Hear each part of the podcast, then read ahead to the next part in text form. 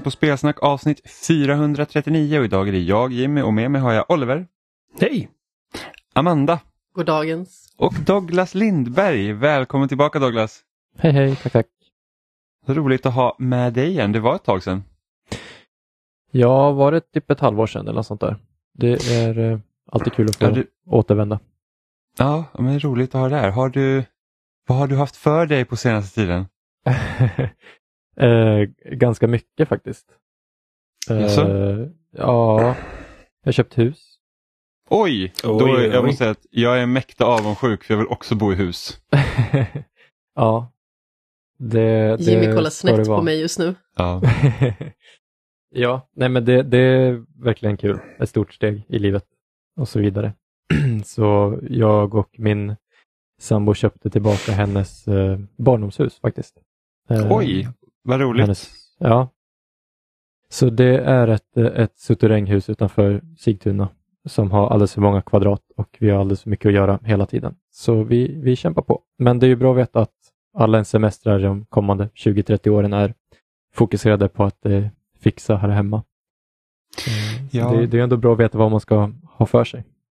Ja, grejen med hus är att det blir aldrig liksom klart utan det är Nej. ju liksom ständigt pågående arbete men det är kul att ha så stort, alltså jag är uppvuxen i, i stora hus så att det blir Mm. liksom så här att nu bor man i en lägenhet där liksom det är så här en bråkdel av vad man är van vid. Så det är alltid kul med hus. Nej, men precis. Så det gäller ju att eh, inte ha en 20 dagars eller 20 veckors plan utan snarare, snarare 20 års plan så kommer man lite lättare till ro inombords och sådär. ja men eh, verkligen. Ja, har hinner fixa lite hallen och lite små ställt i ordning. Köpte svindyra routrar så jag har täckning i hela huset nu. Det är skitbra. Annars ja. Ja, det är liksom det viktigaste. typ så. Och det var ju liksom inte draget fiber heller i huset så att vi får förlita Oj. oss på eh, det mobila bredbandet för att nu vill inte kommunen dra fiber. Det är en lång harang. Men eh, Telia har en rätt schysst lösning i alla fall så får ner ändå 100 på min eh, mobila lina och sen förhoppningsvis, förhoppningsvis blir det 5G-master snart här ute så då jäklar kommer jag surfa förbi alla. Ja, Ja, jag är ju också liksom uppvuxen med mobilt bredband och liksom spela med det alltså fram tills jag flyttade hemifrån. Och jag var med liksom på tiden när inte ens vi hade turbo 3G hemma hos oss. Eh, vilket gjorde att det gick att spela online, det laggade som tusan. Mm. Men det var kul att spela så att man körde på ändå. Många arga meddelanden från Xbox Live-kombatanter som bara säger Åh, ditt internet suger, typ hoppa ner för en klippa och dö, ja men sådana grejer för att man inte hade bra lina. Det kan jag verkligen Eh. tänka mig. 4G-linan är ju dock väldigt stabil måste jag ändå säga. Eh, Det har Ja. funnits vissa kvällar när det har varit lite lätt överbelastat men samtidigt bor vi också ganska långt utanför eh, själva Sigtuna centrum så att det är inte jättemånga som är på just den här masten har man också märkt. När det är lite sämre Mm. väder blir det lite sämre men eh, annars har det varit ja, som sagt stabilt. Jag, ja, som tidigare var jag inne på, på ner liksom 100-110 på mitt PS5 så det är ju kanon via Ja. luften också då. Så det är Ja, allting det är trådlöst i huset så det är ju rätt imponerande ändå. Men har du någon begränsning i månaden då hur mycket du får ladda ner? Nej, obegränsat. Annars hade det Jaha. varit hopplöst. Ja, för det hade ju jag. Jag hade ju Ja, liksom jo. begränsningar så att det var ju man tog ett abonnemang där det skulle vara då obegränsat och så var det obegränsat med en klausul att du inte fick gå över 70 gigabyte. Eh, och sen så har det sänkts till 50 och ett tag var det bara 20 så att det var liksom det var en ständig kamp om vad man skulle prioritera. Eh, men på 360-tiden så var det inte lika resurskrävande att spela online. Alltså det, alltså om du bara spelade multiplayer-matcher så tog det liksom inte alls mycket. Eh, men sen var det om du skulle börja ladda ner spel och speciellt där när Xbox One och PS4 kom när det började bli liksom betydligt vanligare att ladda ner stora uppdateringar och spelen liksom började bli 60-70 gigabyte. Då gick det ju liksom inte för att Nej. då var ju ett spel var ju över eh, månads liksom, mängden man hade. Så att det, men det är bra att du har obegränsat då. Jag minns så himla väl när Horizon Zero Dawn skulle släppas och jag delade bredband. Och eh, det var så vekt, jag var tvungen att gå till mina föräldrar och ladda ner Horizon Zero Dawn där. Och det tog åtta timmar. Ja, Mm. ja men det var typ ladda ner så här Ocarina of Time soundtracket på 64 megabyte på första mobila bredbandet från Telia. Det tog också typ åtta timmar. Mm. Var det värt det? Jajamän. Det var ju liksom, det var skitspännande när man liksom inte var van att ladda ner grejer. Man var så, ah, satte på timer och så, så satt man och typ tittade på den här, bara ticka upp och ner den här eh, upp och nedladdningshastigheten och bara så, oh. Om så här fyra timmar och kan jag lyssna på Ocarina of Time. Jag var ju tvungen att hålla koll på timern när man ringde upp internet också. För att jag hade liksom en specifik tidsmängd som jag fick vara inne om dagen. Som inte jag fick överskrida då när jag Ja. var ute och surfade på internet. Men hur kommer det sig att de inte vill liksom gräva fiber ut till er? Alltså även om ni skulle betala kalaset själva? Alltså det går, men det är ett Mm. mm. rötet företag som heter IP Only som vill göra det och de har väldigt dåliga avtal. Typ så här, Ah, okej. om de upptäcker berg eh, så måste de spränga det och man själv får stå för kostnaden. Lite sådär. Typ Aha, de gräver så- upp och lägger inte tillbaka. Nej, Eh, det är alldeles så för osäkert då. Ja, jag vill liksom inte riktigt riskera det. Plus att jag tror att 5G-tekniken som kommer komma sen är ändå bättre än fiber. Så att jag kan vänta i två, tre år på att få in den för att ja, det känns mer framtidssäkrat på något sätt. Samtidigt som det hade varit skönt att ha, ja, om nu ryssen kommer, så hade det varit gött att ha sladden inne i huset så att de inte fäller ens mast liksom. Men Ja, det är smällar man får ta. Ja, får, får riskera lite ryssförstörelse. Ja, Eh. men lite så. För det var också så att typ grann, eh, grannhusen som är några kilometer bort, där grävde de fiber för typ tio år sedan, kommunen då. Men de glömde Ja. liksom bort våran lilla snutt Ja. eh, och så. Men eh, Ja, vi hade ju något liknande också när jag bodde hemma. Det var ju det att de grävde ju fiber på liksom våra åkermarker och sånt. Eh, Mm. Men sen så fick man liksom betala själv om man ville ha upp till huset. Eh, och det var, alltså jag tror det hade typ kostat typ 44 000 eller någonting sånt och det ville inte mina föräldrar lägga ut. Oj, så mycket ändå. Ja, ja men det var svindyrt. Eh, jag tycker ju liksom typ att alltså, alltså fiber och sånt till husen, jag tycker det borde, liksom, det borde kommunerna stå för helt. Liksom, för att det, är- Mhm. det är en viktig infrastruktur. Ja, men lite så här, inte mänsklig rättighet, men i alla fall husrättighet numera. Ja, men och speciellt med tanke på att det är så mycket som kräver internet idag. Alltså du kan ju Mm. typ inte göra bankärenden utan internet. Liksom med bank-id och grejer. Så du, du måste ju ha det. Visst, det finns ju lösningar som mobilt bredband och, och, och så, men ändå. Ja. Det, Det tycker är inte alla som har tur att bo så nära en mast heller som vi har här. Nej, jag fick ju göra så här lite fullösningar för att mitt rum var också typ lite av en svacka i vårt hus. Så jag hade en sån här eh, sil eh, som jag satte bakom T-stickan, eller mobilbredbandsstickan för att eh, eh, förstärka signalen. Så att det blev mer eh, stabilt. Hemmagjord satellit. Jajamän. Fick man typ radioaktiv strålning och sånt. Helt förstörd sen. Ja, men roligt. Mm. Oliver, har du fått tag i din arkadsticka än? Nej. Vad är det som händer? Vi har ju liksom suttit som på nålar här i flera veckor och höra hur du har blivit liksom pro-gamer nu och ska typ vara med i grejer. Vet. Jag menar, den stickan, eh, den, den, den hade gjort mer nytta för ett par veckor sedan än vad den kommer göra när den väl dyker upp. Alltså. Tror du att du kommer att ha tappat intresset när den väl dyker upp? Eh, nej, inte tappat, men det, jag, jag är inte på det här liksom typ fighting game high nu längre som, Som du var? som jag var när jag köpte den här jävla stickan. Men idag hade jag nog inte köpt den. Eh, jag vet inte, alltså jag, jag antar att den, den inte längre finns i lager och då tycker jag att då tar man bort den från butiken istället för att liksom låta mig betala pengar för att få den. Ja. Men ja, eh, vi får se ifall den dyker upp. Ja, I annat fall så kan du kanske få den lagom till Street Fighter 6 om vi skulle bli proffs i. Precis. Eh, jag hoppas att den eh, inte... Men att den fortfarande liksom tillverkas för att den verkar jävligt bra. Jo, men, det, men jag antar att det inte är sån här som tillverkas typ i bulk på det sättet att det liksom finns typ lager flera, liksom hur mycket som helst utan den är kanske lite mer exklusiv än så. Eller något, jag vet inte. Ja, förmodligen. Nej, men det är så stilla på uh, fighting stick-fronten just nu så att eh, jag, jag får återkomma när det blir aktuellt igen. Synd, jag var så himla nyfiken på om du liksom hade gått från att bli liksom så här, jag är bra till att jag har blivit jättebra. Jag menar, jag är typ, eh, jag vet knappt vad jag håller på med till att saker börjar liksom eh, klarna för mig. Ja, men det, det är ju duktig på spel. Jo, men fightingspel har jag alltid haft väldigt svårt för. Ehm, Det är, det är lite underligt. Men jag antar att det har någonting att göra med att det finns typ 300 miljarder kombos. Mm. Som man ska försöka mata in i skallen. Jag vet inte. Det... Fast lärde, inte- lärde inte du dig alla kombos typ i Devil May Cry 4? Jo, men eh, av någon anledning så...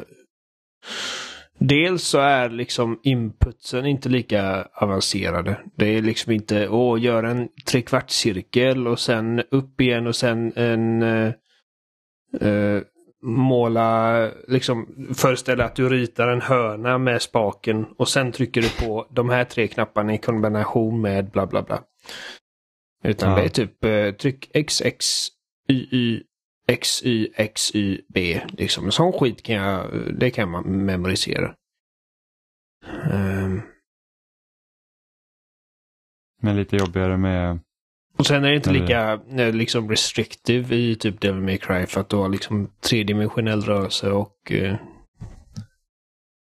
jag vet inte, min, min hjärna bara accepterar det på ett annat sätt. Okej. Gillar du fightingspel Douglas? Nej, eller alltså gillar och gillar. Jag har inte spelat så mycket. Nej, Typ det är ingen genre som du säger, usch, den dör jag för. Nej, alltså jag har väl alltid stått på sidan och tyckt liksom att Street Fighter ser jäkligt snyggt ut och häftigt och, Mm. och så vidare. Och svårt. Eh, sen, jag menar Smash har man ju spelat genom åren. Eh, från och till. Eh, äger liksom Ultimate på, på Switch och sådär. Inte att jag har nött så mycket, men det är ju kul att plocka upp. Liksom. Men Mm. Utöver det så nej, jag är ingen fanatiker. Även fast det är en sån här genre som man väldigt gärna skulle vilja vara väldigt duktig på. För att det är liksom, jag vet inte, lite credit på något sätt. Ja, man Men- romantiserar lite bilden av fightingspel. Så här, det- är liksom en mot en. Man Ja. liksom så här, att det, det är liksom inte bara det att man måste vara bra på att liksom utföra sina attacker utan man måste också vara bra på att läsa motståndare och försöka förutse vad de ska göra så man vet när man ska blocka och så. Ja, men precis. Och jag gillar ju och idrott väldigt mycket och jag tycker att det är väl en, vad ska man säga, en riktning inom spel, spelindustrin som kommer så nära som möjligt till att simulera sportevenemang på riktigt. Liksom. Det är klart Mm. att Dota och allt sånt där är ett, ett lag, lagsport på ett annat sätt, men just det här, som du säger, en mot en, man mot man. Det är ganska häftigt att stå på sidan och kolla på, även fast man oftast inte fattar typ någonting.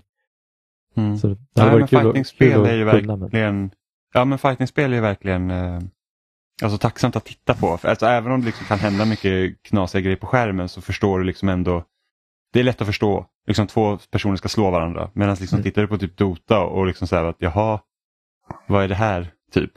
Mm. Om du inte har koll på det. Spelar Ja, du mycket sportspel precis. då? Ja, men det gör jag. Det gör jag absolut. Um, mycket så säsongsbetonat. Ehm, jag har ju alltid en tradition av att spela, jag är ju väldigt baseballintresserad. Eh, Mm. det är jag och typ 13 personer till i Sverige som är det. Så att jag... Ja, eh, Så många ändå. ja, ja, ja. Men jag spelar baseball på riktigt och där var vi ändå ett lag på ja, men 10 personer var vi minst i alla fall. Ehm, nej men så jag, Hälften har jag, blivit dittvingade. Ja, men typ. Eh, så jag brukar alltid köpa MLB The Show eh, som är liksom sportsimuleringens sportsimulering. Och så spelar jag alltid en säsong i takt med den riktiga säsongen. Så när de Mm. spelar den matchen om dagen så spelar jag den matchen. Liksom. Eh, dels det och sen så här, Formel 1 kör jag ofta väldigt mycket. Eh, Ja. Så just nu rullar MLB The Show och F1 22 om dagarna. Är MLB The Show ett bra spel att ta upp om man är nyfiken på baseball och bara liksom se vad är grejen med det samtidigt som man kan spela? Eller är liksom, Mm. är det lite för avancerat? Nej, alltså baseball i sig är ju väldigt enkelt. Många tror ju att det är typ världens svåraste sport bara för att man inte fattar någonting. Men reglerna är ju ganska tydliga. Ehm, du kastar, du slår, du ska bränna på bas. Um, ni har säkert spelat brännboll någon gång i skolan kanske där man bränner liksom på konerna istället för på hemplattan eller vad man ska säga. Ja, men precis. Och det är ju liksom det. Eh, och så bränner du tre och sen byter du sida. Och sen så kör du så tills matchen är slut. Liksom. Så Sen är det alltid någon som skriker jag var i luften. Ja, exakt. Luften är fri, luften är fri. det är den faktiskt i baseball. Du måste liksom nudda spelaren eller nudda basen när du bränner. Så det, det är en kul detalj. Luften är fri. Men eh, ja, jo, jag, jag skulle kunna säga att man kan plocka upp det och bara kolla in vad det är. För det är en ganska tacksam sport. Jag gillar ju baseball framförallt för det estetiska. Det är en väldigt snygg sport. Det är liksom snygga uniformer, det är häftiga arenor, eh, balla spelare, riktigt snygga liksom, klubbar, klubbemblem, mycket sånt där eh, Mm. som jag tycker är kul. Ehm, så jo, men jag skulle kunna säga att det är ganska tacksamt att försöka komma in i. Det går liksom inte så snabbt som i ja, men hockey eller Fifa är liksom, det är ju knappt fotboll längre. Ehm, sådär. Så jag tycker att den kommer ändå väldigt nära att simulera själva sporten. Och sen, för baseball går ju heller inte på tid. Ehm, utan det är bara kasten det handlar om. Så Mm. ja, ge det ett försök om du är lite nyfiken. Ja, nej men det, jag tror att ja, senaste MLB The Show kom på Game Pass. Jag tror nästa MLB The Show också kommer på Game Pass. Så att det, Mm. det finns ju all liksom, möjlighet att testa. Det är bara Ja. tiden man ska ha. Jo, men lite så. Baseball tar ju ganska mycket tid. Uh, tar i alla Mm. fall en 45 minuter, en timme att spela en match. Eh, Mm. Om man inte simulerar lite. Sådär. Eh, men ja, The Show 22 kom ut för inte så länge sedan och det finns på Game Pass. Ja, okej, men då är det säkert det. Ja, mm. Yes. Kanske man skulle kolla in det. Inte som Fifa när en match tar typ 10 minuter. Nej, precis. Utan det är Ja. lite, mer, lite mer hängivelse. Um, de har ändå försökt att lägga in liksom, få några spellägen som speedar upp det och gör det lite sådär häftigare typ. Men eh, ja, jag gillar ju generellt alla saker som tar tid. jag kan ju lätt sitta i en soffa och kolla på en golftävling i fyra timmar utan att bli uttråkad. Typ. Och, ja, som sagt, Formel 1 gillar jag också, så jag kollar ju på ett Formel 1-lopp från start till mål utan att somna. Så ja, saker som får ta tid, det, det är fint tycker jag. Jag är själv bowlingspelare och där kan det ju verkligen ta tid. Kan man ju Mm. säga. Alltså en, en vanlig ligamatch tar ju två timmar och då är det liksom ingen paus eller någonting sånt. Det är ändå inte så mycket dödtid. Liksom. Om man observerar bowling, jag har ju kollat på några av dina matcher, så tar det inte så mycket dödtid för det är alltid någon som slår ett klot. Ja, ja men precis. Så att det är liksom inte så att det händer ingenting eller så att ah, men nu tittar jag på dig och sen så får vi typ sitta i green room och vänta på att alla andra ska slå utan det liksom händer ju saker hela tiden och folk strikar till höger och vänster och det är liksom det händer ganska mycket. Ja men precis, under en ligamatch då är det ju ändå 16 spelare. Så det vore ju knasigt om det liksom bara är en som slår åt gången. Ja, Men däremot så kan det ju ta ganska lång tid under tävlingar också för där har man ju liksom kval och sedan så kanske man har någon form av så kvalfinal där man ska ta sig vidare då till eh, någon form av liksom positioneringsdel. Sen är det ju ganska olika, det finns ju typ så här round robin där alla möter alla och sen så finns det ju liksom lite mer stegfinaler och sånt. Eh, så vissa tävlingar kan ju ta väldigt lång tid. Man får ju räkna liksom om man går vidare till final i en tävling att det tar kanske en dag. Mm. mm. Hur är det bowling upplagt? För jag antar att man inte spelar på tid utan det är väl, spelar man omgångar då? Alltså man spelar ju serier helt Ja. enkelt. Så en ligamatch är ju fyra serier. Okej. Och då spelar man två spelare i varje lag möter två spelare liksom från det andra laget då. Och sedan blir det liksom fyra stycken matcher då eh, per serie, skulle man kunna säga. Just det. Och sedan så är det ju fyra serier. Så man spelar om eh, 16 eh, matchpoäng då liksom. Där man eh, möter lag mot lag inom laget. Mm. Eh, och sedan så är det fyra poäng som utgör då själva totalen så att säga. Det vill säga då att eh, det lag som har fått högst poäng sammanlagt och kägelpoäng i serien får en poäng också. Mm. Okej. Det är lite knivigt att förklara, men eh, eh, bowling är ju inte heller så himla svårt som man kan tro att det är. Eh, det finns ju lite två lägen där, tror jag, hos folk. Antingen så tror folk att ja, men, du dricker en öl och sen så kastar du en boll. Eh, eller så tänker man liksom att ja, men det är skitkomplicerat. Eh, och att eh, räkningen liksom är komplicerad. Men eh, det är inte så svårt liksom när man väl sätter in sig i det. Jag är jag skulle säga att bowling är lätt. Eh, Alltså det är inte komplicerat alltså, att, att förstå reglerna tycker jag. Utan alltså, jag förstår ju liksom vad som ska hända. Liksom, eh, bollen ska färdas från min mitt grepp ner längs rännan, eller inte ja, undvika rännan, men ner längs banan och träffa så många käglor som möjligt. Sen får man poäng baserat på hur man gör och man, man kan få spärrar och man kan få strikes och man kan, som jag gör, få typ noll poäng varje runda. Ja, Uh, vi, vi bowlade igår nämligen när vi var på svensexa och det, det började bra för mig. Mitt första slag var en strike och jag bara, ah, jag är så bra. Och sen gick det ut för. mm. Eh, och jag alltså men jag ska inte säga att jag alltid körde i rännan, men 50-50 ungefär. Rännan och banan. Och jag vet inte, det känns som att jag aldrig kan få den att flyga rakt. Um, men, och, och, och, det är någonting jag gör också. Jag sträcker mig på något konstigt sätt. Jag har ont i benet idag efter bowlingen. Typ. Och tummen blir alltid fucked up. Um, för jag antar att jag antingen har jag har inte rätt klot, förmodligen. Eller så lägger jag för mycket press på fel. Ja. Det ja, nej. Nej men alltså om vi sätter kloten i relation till händerna så är de kloten man lånar i en bowlinghall inte bra för händerna. För att det är klot som ska passa alla i stort sett. Så generellt sett så har man små händer eh, då blir det väldigt lätta klot.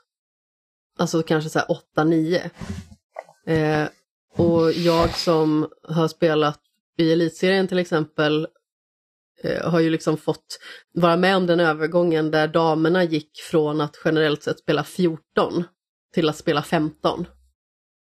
Och det blir väldigt stor skillnad då, liksom när damer har så små händer, så på ett vanligt hallklot så kanske man behöver ha så 8-9 pound och det är ju jättelite och då slår ju liksom klotet ifrån käglorna jättemycket. Och sen så är det ju bara plast i stort sett, alltså de kloten. Det finns ju ingen skruv nästan att hämta alls i dem. Eh, I ett vanligt klot så eh, beror det liksom på hur klotet är borrat eh, i relation till viktblock som ligger i klotet eh, hur ytan ser ut och sådana grejer. Eh, så det finns ju jättemånga aspekter liksom som eh, gör jättestor skillnad liksom om man ser ett vanligt klot som du hittar i en bowlinghall i relation till ett som är liksom specifikt borrat för din hand och eh, för dina önskemål. Liksom. Mm, ja, givetvis. Um... Så det är inte så ja, konstigt att du har ont i tummen. Nej, jag menar alltså, alltså, så jag ser det som att liksom den komplexiteten och eh, liksom det intrikata spelet det är mer liksom i vad du hur du för över energin från din kropp till klotet mer än liksom mm. eh, själva spelupplägget. Man kan säga att golf och bowling är väldigt lika på det sättet att eh, det är väldigt lätt att förstå vad man ska göra men det är svårare mm. att utföra och eh, det finns himla mycket teknik och material bakom. Mm. Som man liksom inte exponeras för om man bara går och kör en runda. Du ska ner i höle. Och... Men det är ju mycket teknik i en golfsving liksom. Väldigt. När vi var i Italien så spelade vi ju minigolf på en sån här halvrisig bana som de har där 18 hål liksom. Mm. Eh, och som, som jag sa tidigare, den är lite halvrisig. Samtidigt tycker man ändå att jag har rätt bra precision och ibland så var det bara så här, jag förstår liksom inte riktigt hur det här händer. Jag var inte bra. Liksom, jag, kan, jag fick liksom inte ens försöka. Det var liksom så här, ja, man slog lite på bollen och det blev som det blev. Jag gjorde något galet skott. Jag typ lobbade boll över halva banan så det var väl ganska nöjd över det. Och så träffade du en kant och så fick du nästan i bollen. Ja, precis. Helt uträknat enligt mina önskemål. Men det är så härligt i, i bowling när man hittar det här flytet. När man får till en strike. Man vet inte riktigt hur det gick till, men man känner någon muskel någonstans i något lår. Att, ja, men så där ska jag stå när jag släpper klotet. För då kommer det gå bra varje gång. Och så får man en tre stycken i rad och så missar man en och så är man tillbaka i, i fåran. Och det påminner också mycket om, om baseball. För att i alla fall när du kastar som pitcher, nu gjorde jag inte det i verkligheten för det är skitsvårt. Uh, men i alla fall i spelet då, i The Show. Det handlar mycket om att, alltså baseball, du ska ju träffa en strike-ruta kan man säga. Som mm. är från bröstet ner till knäna och så är den lika bred som hemplattan. Den rutan ska du träffa inuti Och när du liksom börjar få till kasten på ett bra sätt och liksom hitta det här flytet, det här kastet funkar bra för den här pitchen idag och så kanske du varierar hastighet, du kastar fastball som är liksom raka, hårda kast och sen så kommer det in en, en change-up som är lite mer skruv och liksom lite längre ner i zonen och sådär. Det finns likheter där mellan just baseball och eh, bowling. Att, ja, men till slut så hittar man något flyt och då är det bara att stanna i den zonen så länge som möjligt. Och det är en härlig känsla att vara liksom effektiv över en längre tid. Ja, man känner sig rätt cool när man är i zonen, alltså oavsett när det gäller tv-spel eller liksom i verkligheten. Mm. Jag vet ju flera gånger när jag liksom har spelat tävlingar där det känns som att det finns ingenting jag kan göra som gör att det går fel nu. Nej, precis. Alltså man är ju alltid lite på sin vakt naturligtvis, men min eh, nära vän kallar det att, eh, så som jag har ibland, eh, att det är ett vodoslag liksom. Att det spelar ingen roll hur jag spelar den dagen, för att klotet kommer hela tiden till fickan. Eh, sen så är det ju många spelare som är väldigt, väldigt mycket bättre än vad, vad jag är. Och där ser man ju liksom att den erfarenheten de har och den tid de har lagt ner på att bli så bra, det gör ju att det är sällan liksom de gör bort sig. Det gäller att höja liksom lägsta nivån och bredda den här zonen så att man lättare Ja, hittar in i den. Men verkligen. Det finns ju vissa spelare som man ser liksom att de har ju under alla de här tävlingarna som man har sett dem på kanske gjort någon enstaka miss som man känt oj, hur gick det där till liksom? Men alltså det känns ju nästan liksom som att det är magi ibland. Mm, som när jag drog min första strike igår, jag bara ah, det här händer inte. Och du bara så "Ah, jag, är så, jag är så bra på bowling, jag har ju slått 300 på ja, Wii. men jag, ja precis, jag har slagit 300 på Wii eh, Sports. Men det var verkligen så för att jag försökte komma ihåg, för att jag har varit på en träning med dig när du typ sa hur man skulle göra. Och jag kände så här att det första slaget, jag kände att jag släppte iväg klotet bra. Det hamnade precis där jag kände att liksom för, för bästa strike-möjligheten och så fick jag en strike. Och sen visste jag inte, alltså efter det så fick, kunde jag liksom inte göra samma sak. Och så, blev, så började man tänka för mycket och då blir det bara fel. Försökte kanalisera den känslan från träningen. Ja men precis, men jag fick ju en strike i alla fall så det fick vara nöjd. Inte en enda spärr drog jag dock för så fort, jag hade, liksom- alltså, så fort man hade liksom träffat alla käglor och det var några kvar så var det så här, uh, då blev det antingen rännan eller ja. Det finns ju system för det där också. Jo jag vet och jag försökte komma ihåg vad du sa där när man skulle tänka hur, hur man skulle stå och när man skulle sikta på en specifik kägla och det kom jag inte ihåg så att jag bara, jag, I'm winging it och det gick som det gick. Det mest Dåligt. rudimentära systemet är att tänka 369 tror jag. Ja precis och det betyder ingenting för mig. Så att, Jag tror att eh, det var det första man fick lära sig. Alltså att man, man, flyttar eh, 3, 6 respektive 9 i fötterna på de här ribborna. Ja, Eh, I relation då till hur eh, uppställningen är som är kvar. Jag hade något så här slag när jag skulle skjuta en kägla som var på vänster sida och så ställde jag mig liksom lite mer så att jag skulle peka med fötterna ditåt och tänkte att ja, nu ska jag försöka skjuta rakt på den och av någon anledning så råkade jag skruva det så att bollen gick ut i höger ränna istället. Jag förstår inte hur det gick till. Så, men det är, det är så det är. Helt enkelt. Ja, men som sagt det är komplicerat. Alltså det finns ju jättemånga olika så här, spärrsystem och eh, så här, egensnickrade system och sånt liksom som vissa kör efter bara för att det passar deras kropp och deras spelstil. Sen så har det blivit mer vanligt också nu för tiden att man spelar med två händer. Mm. Ja, den har man ju sett några gånger. Mm. Spännande. Mm. Men eh, vi har ju spelat lite spel under veckan också och eh, ett spel som släpptes är det här väldigt efterlängtade kattspelet Stray. Amanda, kan du inte berätta vad Stray handlar om? Ja men precis, alltså man börjar ju i en liten flock av katter egentligen. I en ganska så dystopisk stad. Det är väldigt mörkt, eh, det är liksom nästan lite mer åt det här cyberpunkiga hållet. Eh, känns väldigt övergivet och eh, som att det är någonting som har hänt som har gjort att mänskligheten liksom inte existerar längre. Man stöter under vägens gång liksom på mer eh, teknologiska varelser då som, som robotar och eh, eh, små filurer som eh, anfaller en. Som man liksom sedan då kan ta koll på när man har kommit över mer egen teknologi. Men i början så är man ju liksom bara som vilken katt som helst. Så det är ganska så häftigt där i, i början tycker jag, liksom att man är i någonting teknologiskt, men man är liksom någonting så basalt som en katt egentligen. Mm. Som bara har liksom sina vanliga funktioner som att eh, hoppa och jama och spinna och rulla ihop sig till en liten boll och lägga sig och sova någonstans.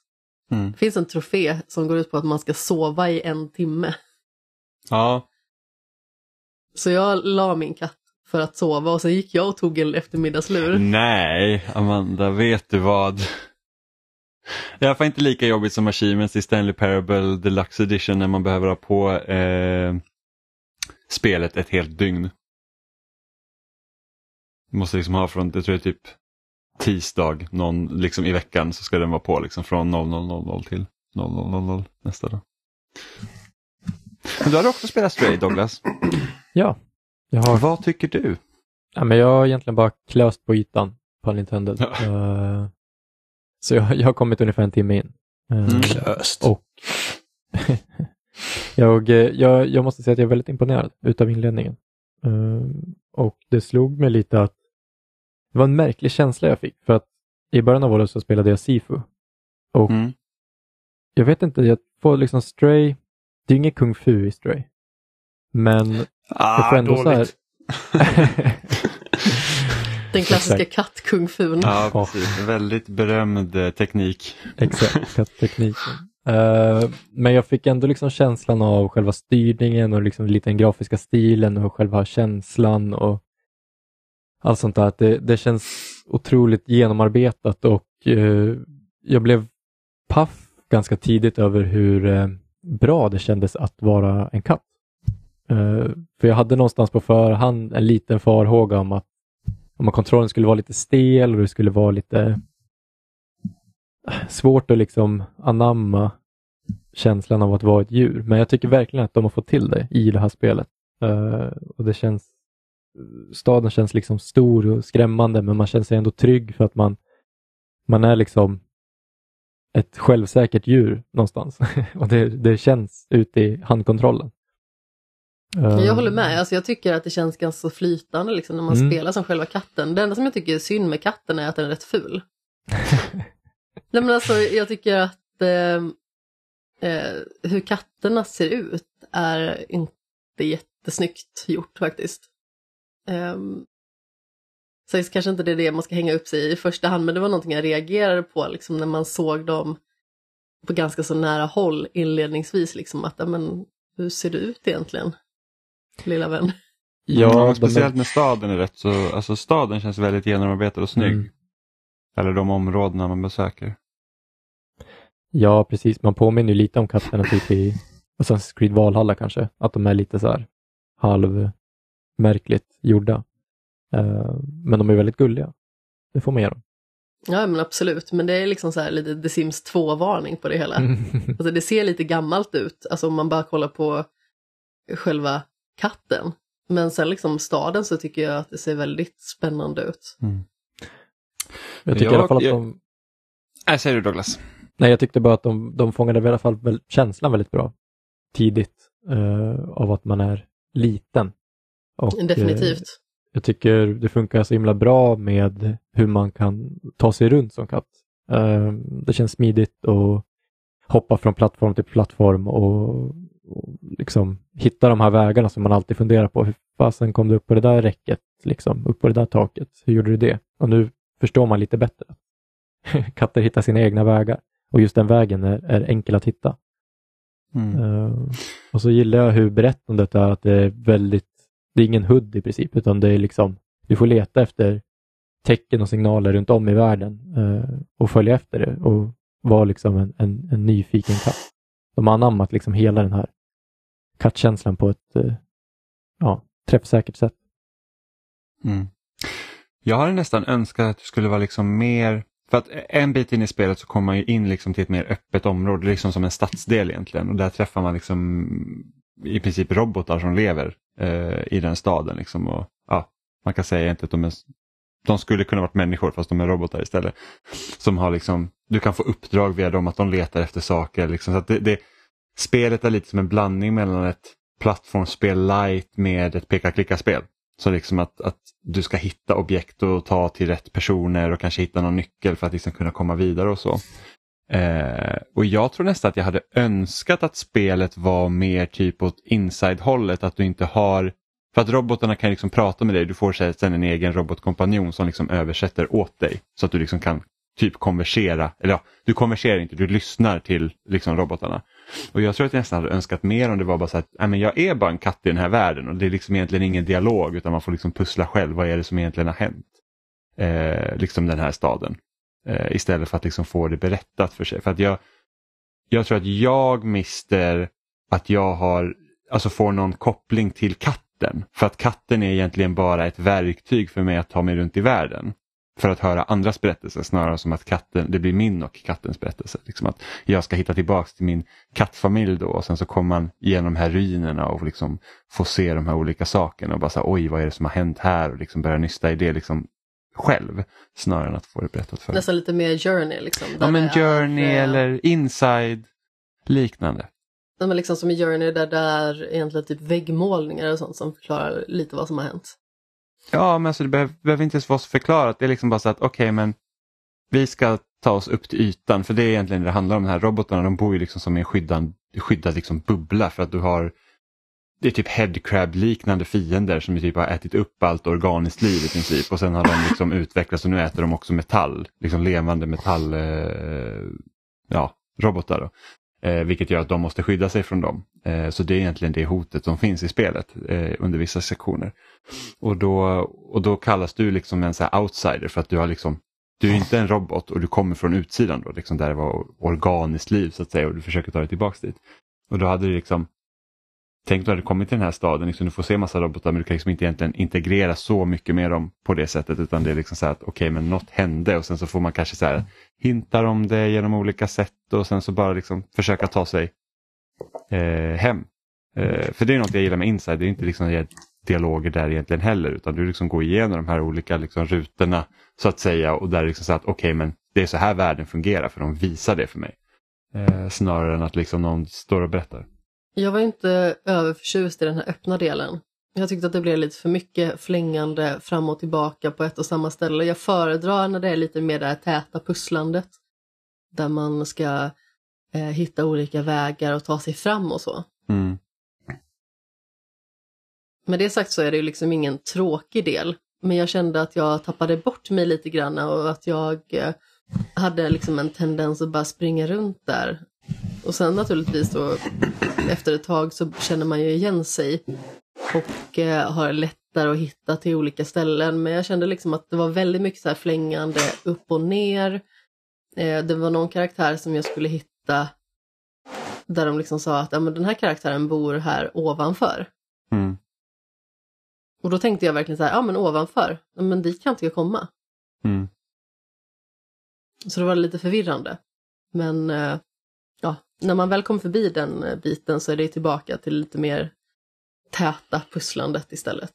Och det är inte jättesvårt pusslande. Men jag kan ändå uppskatta när det inte är superkomplicerat. För att man känner att man liksom kommer in i ett flyt och man hela tiden har en väg framåt. Mm.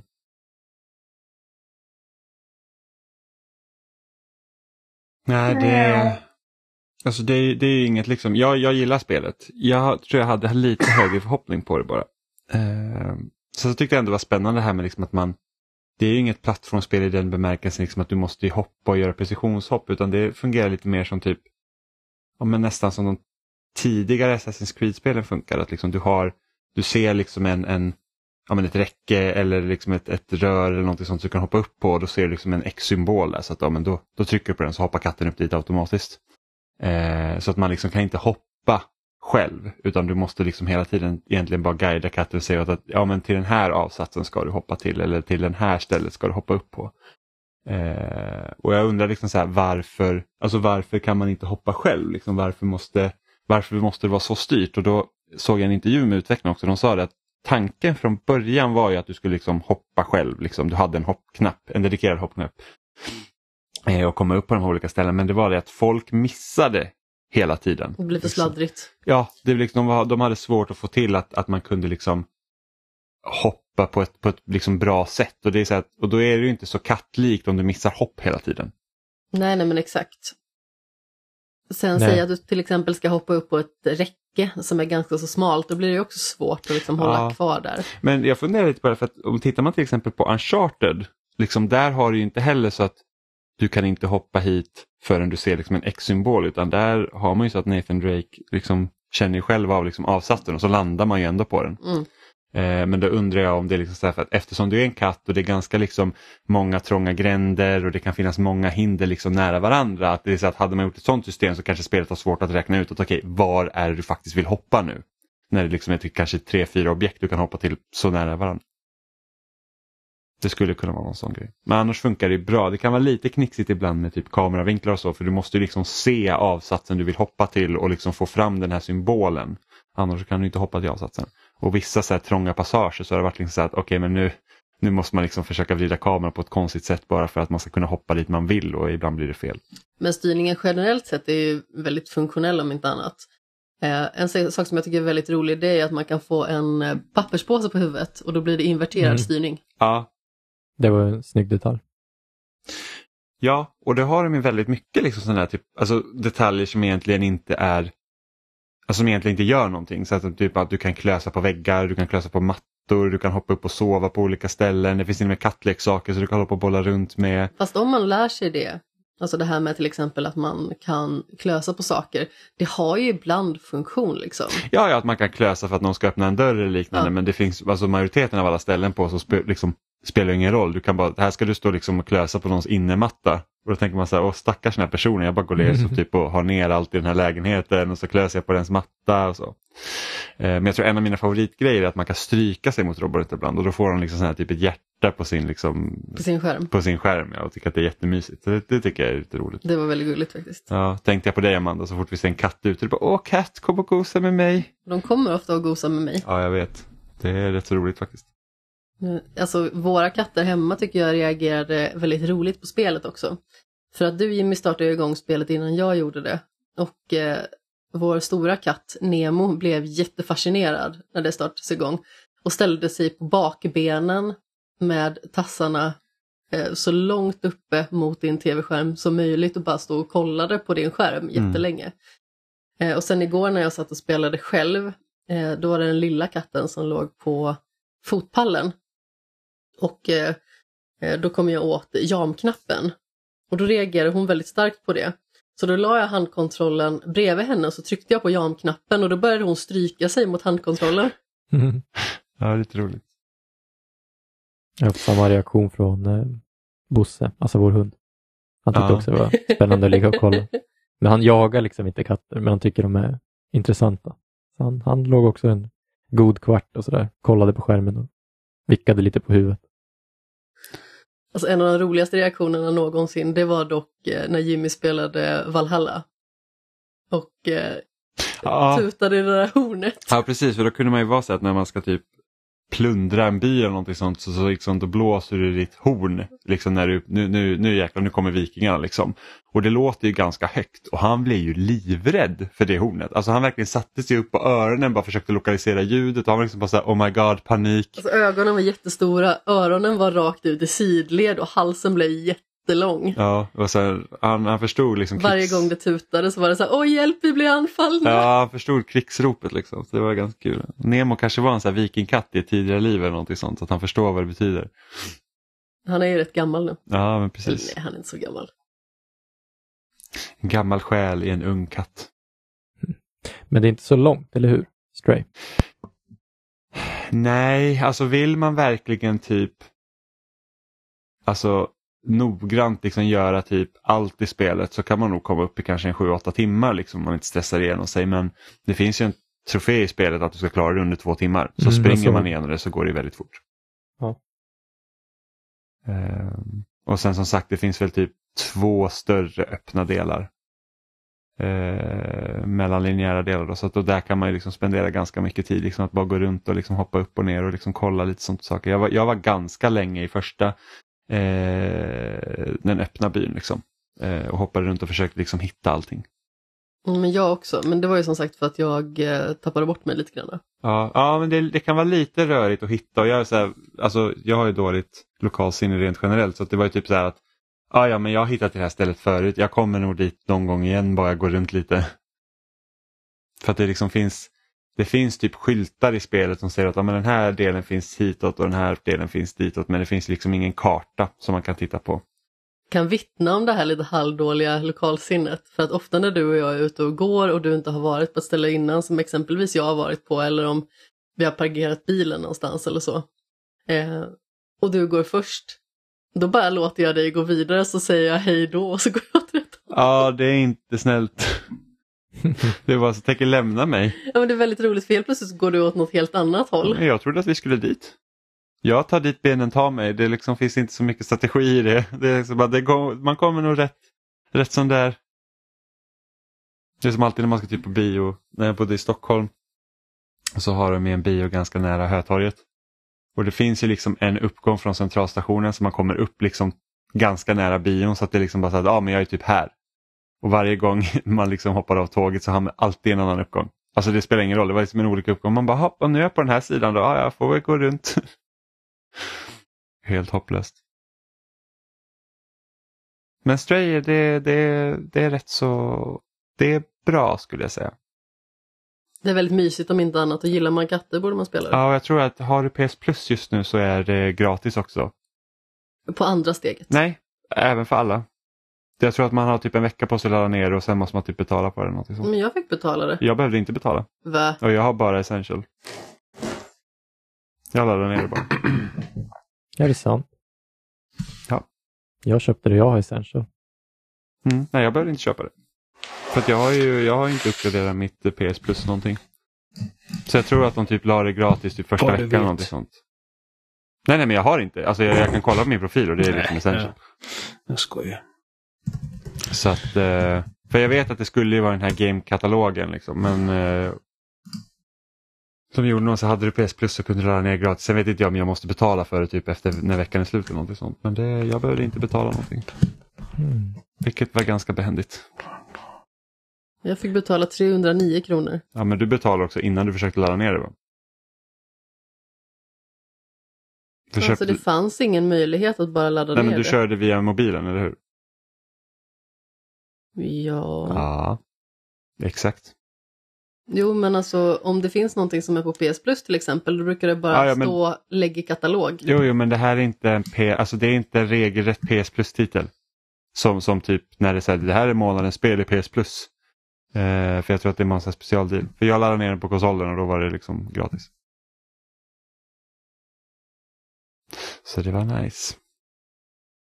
Oliver, har du spelat någonting den senaste veckan?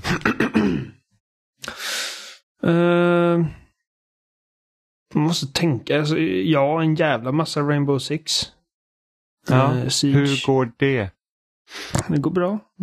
Vinner varannan ungefär. Vilket känns som en rimlig... Eh, ja, det känns rimligt. Ja, alltså Robin och, och Gustav har ju haft uh, Sin de har haft semester. Ja, så de, eh, de planerar detta för flera månader sedan. Vi har, liksom en, vi har en grupp bara för Siege-planering liksom, eh, på Messenger. Ehm, och eh, så det är jag och Adam. Robin och Gustav tar det väldigt seriöst. Ehm, de, de vet ju exakt vad varenda rum på varenda bana heter. Så att de kan liksom... Ja. Medan jag och Adam är typ att vi bara hänger på. Ni vill Ehm, bara vara med. Ja, ja, men vi har jävligt kul. Men jag älskar Siege. Det är ett skitbra spel. Uh, snackar vi... Liksom om, om man ska belysa någonting som Ubisoft verkligen gjort bra liksom de senaste åren så är det Rainbow Six Siege. Eh, Ja, med tanke på att liksom det hade varit så lätt att bara överge det spelet Ja, med tanke på vilken tuff start det var. Mm. Men eh, de litade på projektet och visste liksom att det, vi, har en, vi har någonting bra här. Det är bara att det är vissa detaljer som inte har kommit på plats. För menar, när du spelade, när du testade första gången så var det bara jag gillar inte detta. Eh, Nej, det var, se- ja, men det var segt och jävligt. Ja, och sen så helt plötsligt gillar du det och den enda egentligen skillnaden var bara att interfacet var lite snabbare. Liksom själva spelet när du är inne i matchen var typ exakt samma grej. Ja, men man kom, det gick snabbare att komma igång, det var inte lika mycket väntetid mellan matcherna. Nej. Det var typ det som liksom förbättrade det mesta. Ja, men Sausage är skitkul och vi har spelat eh, jag tror att Robin och Gustav har nog spelat eh, 20-25 timmar kanske den senaste bara typ helgen. Ehm, men jag har även jag har spelat lite mer Red Dead Redemption 2 på mitt andra varv. Det, det är fortfarande liksom alltså bara ett av de mest imponerande spelen som existerar. Eh, och det som vi pratade om i bilen igår, liksom att jag får, jag får liksom prestationsångest för Rockstar när jag tänker på vad GTA 6 ska vara. För att jag vet inte liksom hur de ska... Ja, nej. Ja, det är bara steget mellan GTA 5 och Red Dead Redemption 2 är liksom är jättestort när det kommer Mm. till hur världen är uppbyggd och liksom hur karaktärerna integrerar med varandra utanför liksom dig helt enkelt. Och liksom typ bara det när du går in, alltså hur analogt allting är också när du går in i en affär så du behöver liksom inte browsa i en lista utan du kan ju praktiskt taget gå upp och eh, liksom ta din vara från en hylla och köpa den i princip. Mm. Ja, men Vad är det mellan de spelen? Är det fem år? Eh, nu ska vi se, GTA 5 2013, Red Dead Redemption 2 2018. Ja. Fem år. Mm. Nej, nästa men- år har det gått tio år sedan, in, eh, sedan senaste GTA, vilket känns helt bisarrt. Ja, jävlar vad de har fått mileage ut ur det spelet. Ja, gud ja. Definitivt. Ehm, nej men så, eh, ja. Ehm, så det har jag spelat. Jag har spelat... Uh, ja, As Dusk Falls har jag spelat också lite grann. Mm. Ehm, Vad tycker du om det? Alltså, berätta lite, vad är det för spel och eh, vad tycker du om det? eh, kör ni för att jag... Men jag tror att ni har spelat mer än mig. Ja, men det har vi. Ehm, Du kan berätta Jimmy vad det är för något. Ja, men för de som inte vet så det är egentligen en interaktiv berättelse. Mycket liksom i hur nästan som Telltale-spelarna varit. Eh, förutom att de tar bort det här fluffet runt omkring där du liksom styr en karaktär och måste liksom göra, lösa små enkla pussel utan det är helt enkelt bara dialogbaserat. Ja, det är nästan Telltale light. Ja, ja, Och dessutom så kan man ju spela flera personer så som många andra spel har liksom tagit till sig där man kan antingen då styra via handkontroll eller så kan man styra via mobil liksom så att det kan vara upp till ett gäng spelare som då får eh, eh, ta de här olika besluten och sedan så kan de här besluten ställas mot varandra om det är så. Ja, precis. Att man kan vara upp till åtta spelare som då, då röstar man ju liksom på jag tycker att vi ska välja det här. Eh, och jag tror den stora grejen som även spelet fått rätt bra kritik för är det här att valen spelar större roll för att du, liksom, du ändrar verkligen berättelsen. Det är som att valen du gör har påverkan. Det är inte som att det kan vara så att ja, men du väljer det här och det spelar egentligen ingen roll utan det tar verkligen olika vägar eh, framåt vilket gör att många liksom har tyckt att det, det är egentligen det de har lyft upp med spelet och tycker det är allra bäst med det. Just att, det här, så att du, du väljer någonting och det liksom gör en riktig påverkan. Ja, och likt eh, Detroit Become Human så finns det liksom också en eh, karta i bakgrunden där man kan se de här olika valen då i efterhand liksom. Och, ja, och se eh, vilka vägar man har missat. hur många vägar det faktiskt finns att ta. ja, Eh, när det, jag spelade Detroit till exempel så eh, skedde ju det här, jag kände att eh, jag var så missnöjd med slutet för att alla dog. Eh, och jag kunde liksom inte med gott samvete gå och lägga mig liksom i den vetskapen för jag skulle upp eh, och iväg på en resa dagen efter. Skulle upp för klockan fem eller någonting sånt. Och jag bara såhär, jag måste spela om slutet så att jag liksom kan lösa det här. Eh, och då kände man ju liksom att det var ju väldigt stor skillnad på utfallet egentligen. mm, ja, men där var ju slutet påverkades mycket i Detroit men typ vägen dit kände jag inte var liksom så stora skillnader. Medan här är det ju liksom verkligen, man, man ser ju liksom att grenarna, så alltså att ah, men den här avstickaren den går verkligen ner och den kommer liksom inte upp igen liksom till, vad ska man säga, huvudtimelinen som vi har byggt ut för oss utan då, liksom, då har någonting drastiskt hänt. Eh, och sen så spelet markerar ganska viktigt också så här att det här är liksom ett viktigt val nu. Liksom att du kommer verkligen ändra liksom riktningen på berättelsen genom att välja den här. Och eftersom du och jag är, vi är bara två när vi spelar också så att om vi vid ett sånt crossroad-val så att säga eh, röstar på två olika saker då måste vi sen komma överens och välja rätt för att annars annars brukar spelet slumpa. Så säg att vi, vi är en vanlig dialograd bara så att ah, men du trycker på en grej och jag trycker på en annan. Då, då slumpar spelet vilken som det blir rätt. Eh, men när det är de här stora valen då slumpar det inte utan de måste liksom, så här, då står det så här, ah, men ni måste liksom komma överens över det här valet. Det måste vara en majoritet som ja. röstar. Om inte annat så hade vi varit tre stycken till exempel ja, så hade det räckt med att två stycken hade röstat på samma. Exakt. Eh, och det är en ganska rolig liksom, det är ett rätt så roligt sätt att spela det på tycker jag. Eh, istället för att liksom jag bara ska sitta och välja val och sen kanske, ah, vad tycker du att jag ska välja och sen väljer vi. Utan vi får liksom båda interagera själva med det. Det tycker jag är så kul. Eh, men vad är det för berättelse då? Ja men man är ju, man börjar liksom vara en familj som då ska, eh, de håller på att flytta eh, till, vad är det, typ Oregon? St. Louis. Eller, ja. Eh, och då är det någon, på, på vägen då så är det typ det är en annan bil som typ krockar liksom in i dem lite så deras bil går sönder. Och sen så kommer man liksom till en bensinmack för, för att försöka få hjälp. Eh... Det är väl ett motell? Ja, motell slash bensinmack. Eh... Och sen så kommer de här då personerna tillbaka dit och ska typ, för de har rånat någon, en, en, en, stadens sheriff på pengar och grejer. Och så kommer de till det här motellet där de ska liksom försöka då eh, gömma sig. Och så blir det ett gisslandrama av det hela och då får man ju spela från den här familjens perspektiv och sen förövarnas perspektiv. Det är en karaktär där eh, som man också får följa och sen så eh, hoppar det mellan dem egentligen. Eh, och så får man se lite så här, ja, men flashbacks och lite sånt. Så att, och, och på den här Microsofts E3-visningen så, så pratar de just om att de har liksom lagt upp det som då prestige-tv. Eh, liksom, de har liksom satsat på den typen av kvalitet. Eh, så att det är också uppdelat i episoder, så jag tror det är sex eh, episoder i spelet som är typ en timme långa styck eh, som man får spela igenom. Mm. Jag är väldigt nyfiken på vad de menar med prestige-tv.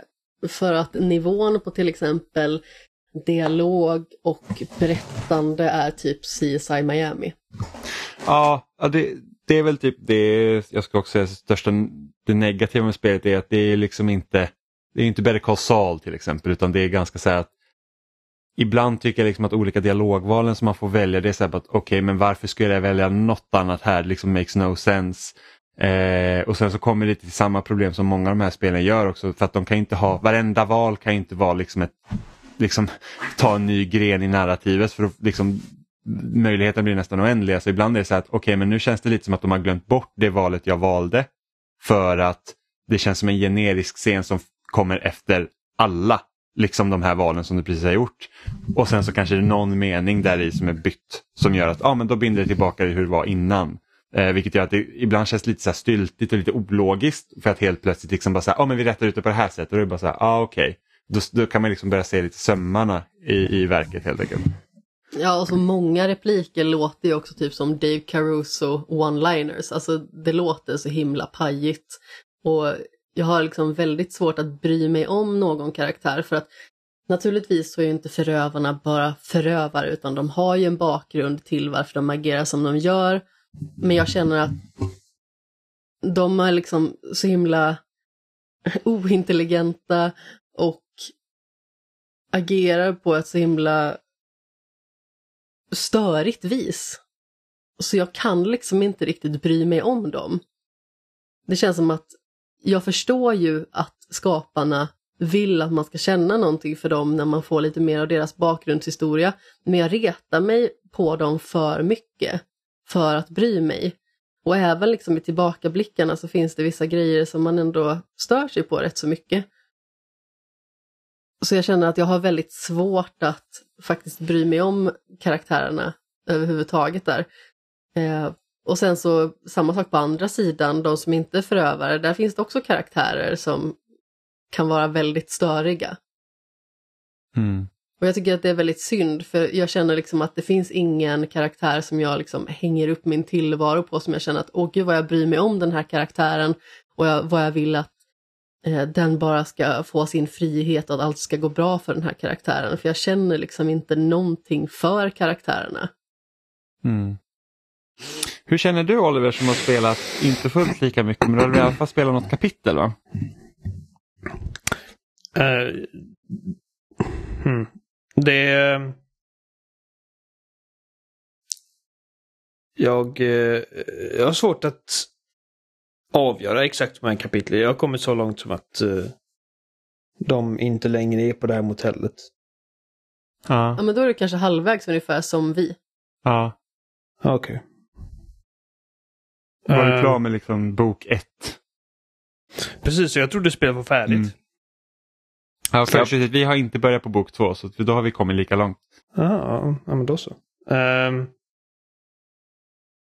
Okej, eh, jag eh,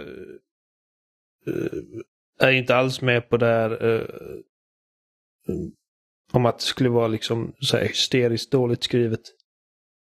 Ehm, det är inte men det är ju inte, det är, det är inte ett manus skrivet av typ Vince Gilligan och hans team. Uh, men ärligt talat så, 99,99 procent av allt som, som du konsumerar är inte skrivet av Vince Gilligan heller. Så att det är liksom... Jag hade inte så höga förväntningar på... Och jag vet att det här med prestige-tv, det var ingenting jag hade hört talas om. Och det här liksom att de skulle ha snackat upp sig som typ uh, the crème de la crop.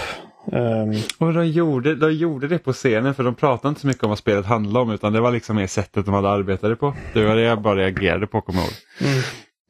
Ehm, Men sen ofta tycker jag i dialogerna så är det väldigt ologiska svar ibland. Det känns som att ja, men vi ville bara få in den här repliken här för att eh, vi tyckte att den lät tuff.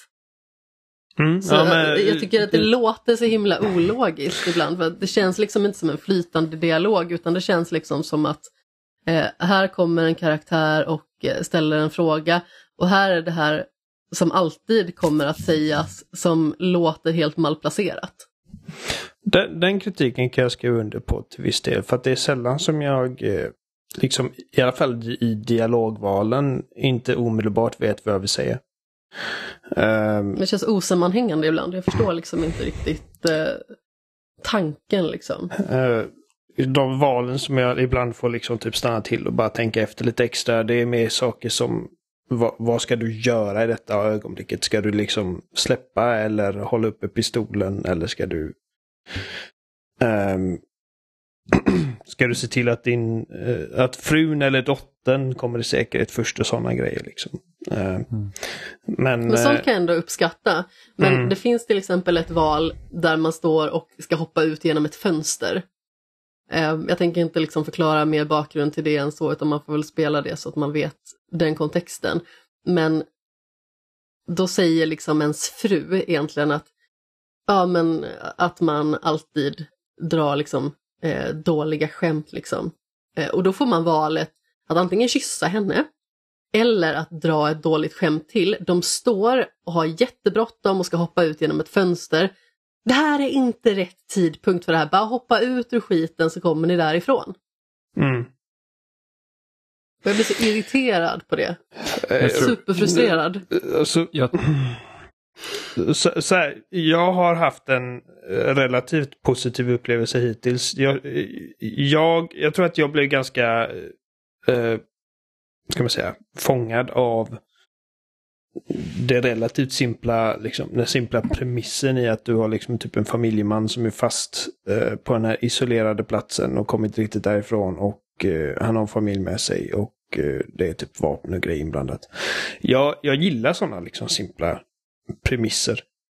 Utförandet är inte liksom, det är inte alls glasklart på, på något sätt. Men det är tillräckligt eh, spännande känner jag liksom att jag eh, jag hade svårt att lägga ner det i vissa omgångar. Eh, det blev inte lika svårt efter att de kommit från motellet. För att då kände jag okej, nu har de tappat fokuset lite. Och eh, eh jag bryr mig definitivt inte om alla karaktärer lika mycket. Men jag, jag, jag är mer investerad i vad som händer med den här familjen. Än vad jag är med de här typ rednecksen som som har rånat en polis. Eller vad det nu var.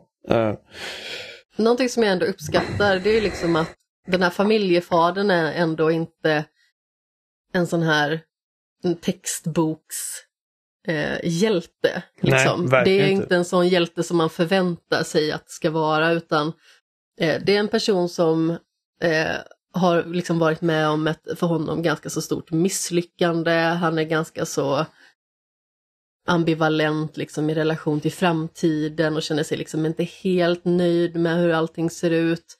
Eh, Det är lite kall på linjen liksom gällande äktenskapet också ja, där. precis. Eh, och han ser liksom inte ut som den så traditionella hjälten. Det är liksom ingen Nathan Drake vi har här utan vi har liksom en lite så här småtrind, inte liksom supersnofsig snubbe. Han, han ser ut som typ 20 pers du känner.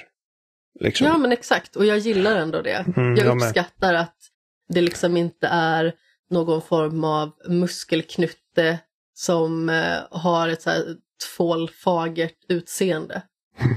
Och man kan också välja att spela honom liksom som att du är liksom inte egentligen hjälten utan du är bara i en väldigt obehaglig situation.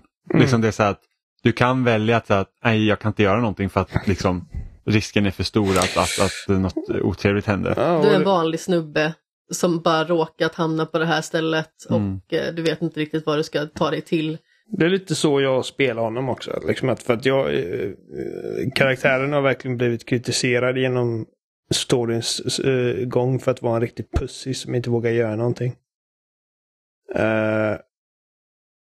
Och jag, jag spelar honom på det sättet liksom att liksom inga, ingenting som liksom ens lite kan riskera att någon i min familj tar en kula just nu liksom. Bara jag, jag, jag slickar deras röv. Um, och det är så liksom, alltså när, när du sa att det var typ så här, så här riktigt cheesy one-liners grejer. Jag, jag känner inte att jag upplevt de ögonblicken. Och frågan är liksom hur de valen vi har gjort har påverkat manuset. Um, Precis, det är någonting också som jag misstänkt att vi kanske liksom har valt en väg som inte är optimal vilket gör att vi hamnar i så här väldigt lustiga situationer. Men då är också grejen liksom att optimal, alltså så här, om det är någonting den här typen av upplevelse Eftersom att jag, allt eftersom att jag spelar fler av dem. Så första gången liksom som jag kände att det verkligen gjordes riktigt väl var med The Walking Dead. Mm. Eh, och sen har det kommit så många olika liksom, varianter på den här typ Choose your own adventure bla bla. Att vid det här laget så känner jag liksom att eh, jag vill ha liksom, alltså, en historieberättare som, som har en specifik berättelse att, att, att presentera. Som liksom en vision som de tror på. Snarare än bara att sätta mig i en situation där jag är liksom fri att fucka upp det på, på, på eget bevåg. Liksom. Alltså, hur mycket av en story har du ifall din story bara är en serie av situationer som det finns en, jävla massa olika outcomes för? Det är liksom... Ja, framförallt liksom att det ska vara då ett tärningskast kanske om det faktiskt blir en bra berättelse eller om det inte blir det.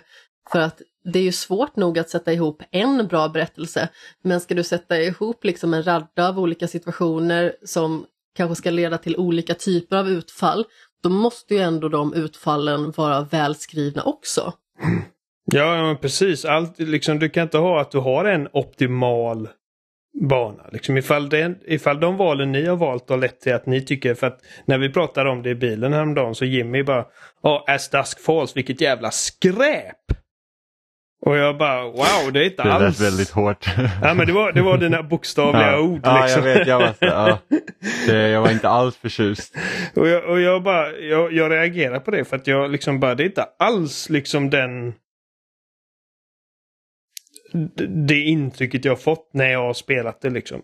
Eh, och jag tänkte, så jag bara tog för givet, okej de har kommit så mycket längre än mig och jag har bara spelat den liksom typ eh, den här början som inte har någon av de här typ töntiga eh, replikerna och grejer. Eh, men nu visar det sig att vi har kommit ungefär lika långt. Och... Eh, Ja.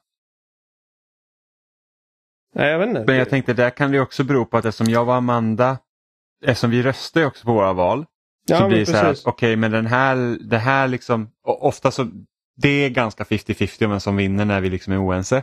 Men det är också så här typ att jag kanske hade valt den här vägen vilket gör att jag känner att det jag har valt då, eller liksom det resultatet jag får blir mer liksom väntat men liksom helt plötsligt kanske det, oj det bytte lite riktning och det är kanske då man får de här liksom bumpsen. Liksom, Ja, för ifall enkelt. ni är två olika personer som, som liksom internt känner att ni vill spela de här karaktärerna på två olika sätt och det är 50-50 vem det är som får rätt i varje given situation, då är det liksom då, då är det inte konstigt för mig liksom att det känns weird för er.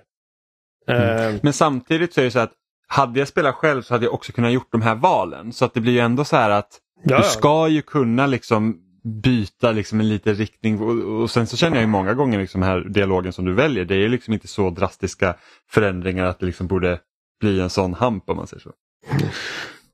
Nej, det, bara, det, det var någonting som, som jag kom att tänka på liksom typ uh, värdet. Det egentliga värdet med att liksom strukturera upp berättelser på det här sättet där liksom allting är Alltså jag säger allting, givetvis är det liksom alla olika outcomes är ju givetvis skrivna på väldigt specifika, specifika sätt. Man har ju inte hel kontroll över någonting i ett spel. Men sen så tycker jag att Men, eh, Alltså poliserna är rätt så risigt skrivna. Alltså det finns ju en anledning till att polisen agerar på ett visst sätt. Men i grunden så tycker jag att det känns himla orimligt hur de går tillväga med den här operationen, liksom när de ska försöka få ut gisslan. Det är så himla orimligt hela vägen igenom och visst det kanske finns en tanke med det och jag vet liksom att det finns ju en tanke om vad poliserna är för sorts poliser. mm. Men det känns så himla orimligt ibland, liksom, det, här, det här hade aldrig fått hända. Det får inte gå till så här och då tycker jag liksom att det känns som att om det här är ett spel som ska ha väldigt tydlig verklighetsförankring, då känns det här så enormt orimligt. Jag förstår liksom inte att det här händer. Alltså, eh, och så peak dåligt, det var ändå när eh, mellanbrorsan kommer ut med gisslan och eh, då pratar öga mot öga med sheriffen eh, vars hem han har gjort inbrott i och kissat i hans saftflaska. Och dialogen är i stort sett som följer, liksom bara så här. Åh, bara så du vet, jag kissade i din saft. Och sheriffens respons på det var "Arr!" att han liksom morrade tillbaka. Jag bara vad, vad är det som händer just nu? Jag kan inte tro att det här finns. Det är så otroligt dåligt. Mm. Jag vet inte, jag Ja, håller det inte med. märkligt. Alltså, just det här liksom att det här hade aldrig fått hända. Jag menar möjligt, men jag tycker att jag läser varje dag om poliser som går in och mördar folk helt utan anledning. Så att jo, jag har inte alltså, samma tilltro absolut. till polisen som du har kanske. Jag vet inte riktigt om jag har så hög tilltro till polisen så sett. Men även att eh, det naturligtvis finns en kritik mot polisen idag som är väldigt rimlig. Den amerikanska polisen. Framförallt den amerikanska polisen men även den svenska polisen för det har funnits vissa fall i Sverige Jo, jo, nu det senaste som har varit lite Absolut, jag säger inte att polisen Orimliga. i Sverige är perfekt men liksom om vi tänker den amerikanska polisen, det är ändå den kontexten spelet är liksom. Ja, alltså, men precis. Men jag tror inte att det de försöker göra är att rikta en känga mot polisen. Eh, jag tycker liksom att det händelseförloppet som utspelar sig när det är den här gisslan-drama situationen. Jag tycker att det känns Alltså ibland så kan man ju tycka att okej, okej, det här var väl kanske inte det bästa beslutet ni kunde ta va? Men det här är så ologiskt. Att jag liksom inte riktigt förstår hur man liksom har tänkt fram det här. Men det känns lite som att man inte har gjort tillräckligt mycket research för så den här operationen hade gått till. Utan man har gjort någonting som är liksom så här, det här kan vara häftigt. Det är lite den känslan jag får med de här liksom större actionscenerna. Ja, men en grej som var så himla bisarr, det är liksom att de går in i eh, det här motellet då och tänker att ja, men nu ska vi agera. Och då är det en som typ blir skjuten i benet av polisen och bara alla, vi måste fly ut härifrån. Bara så här, ni har ju precis åstadkommit absolut ingenting. Mm. Här var det lite pang-pang Ja. och nu backar ni hem. Men jag gillar också så här typ efter varje kapitel så kan man också få se då hur man liksom har agerat i situationerna. Liksom typ det här att ja, men du har varit mer eftertänksam eller du sätter typ etiken överst liksom i dina val och sånt. Och där, eftersom jag och Amanda då spelar ju tillsammans så får vi liksom se liksom hur, hur våra tankesätt skiljer sig också från varandra liksom, beroende på vilka val vi har gjort. Du är snabbväljaren. Ja, jag är den som är snabb. Och sen var det så att, ja, men ni, för att man kan ju också, när man spelar flera så kan man också override ett beslut som jag är så här att, åh nej, Amanda väljer totalt fel just nu så kan jag bara liksom lägga typ en veto, bara nej det är mitt val som gäller. Punkt. Och så har man tre sådana var under ett kapitel. Jag får jätteofta så här, valde att absolut inte säga emot eh, kompanjonen som du spelar med. Man bara så här, men ingen av oss har ju gjort Ja, jag vet, men det, det är typ så här, de, det är typ så här, ja, men är, du, är du mer för liksom så här känslomässigt eller är du liksom för justice och lite sådana grejer. Så det kan jag tycka är ganska kul liksom, att se. Sån statistik. Ja, ja, absolut. Jag uppskattar det också. Som sagt, det är inte bara dåligt det här spelet. Eh, men det är väldigt mycket som jag liksom känner att jag har svårt att skriva under på. Mm. De, de vinner liksom inte över mig. Eh, det är nog den här familjefadern ändå som jag känner att ja, men, honom kan man väl lite granna eh, heja på. Eh, mer än flera liksom av de andra naturligtvis. Men eh, i övrigt så känner jag liksom att det är liksom inte så här Clementine-nivå på karaktär att bry sig om, eller Li. Nej. Nej. Men det är roligt att du gillar den då, Oliver. Ja, men alltså, eh, jag, Jag tycker om dig ändå. jag är inte lika, ehm, jag är inte lika, ska vi säga, harsh på det. Jag, jag, jag tycker inte alls att det är en upplevelse som är något utöver det vanliga. Liksom jag känner att man har sett den här typen av, av spel eh, flera gånger vid det här laget. Jag, jag gillar den grafiska stilen. Eh, med liksom väldigt realistiska porträtt. eh, snarare än wonky 3D-modeller för att det är liksom billigare. Ehm, Ja, men alltså vad tycker vi om hela den här helhetspresentationen? För att det är ju typ stillbilder som förflyttas till andra Ja, stillbilder men det är typ egentligen. stillbilder i stop motion utan att liksom vara så eh, Det är inte stop följsam. motion som går så pass fort som Nej precis, men det är liksom så att rör sig en karaktär liksom från ett rum till ett annat så kanske du får se tre olika bilder hur han rör Mm. sig. Liksom.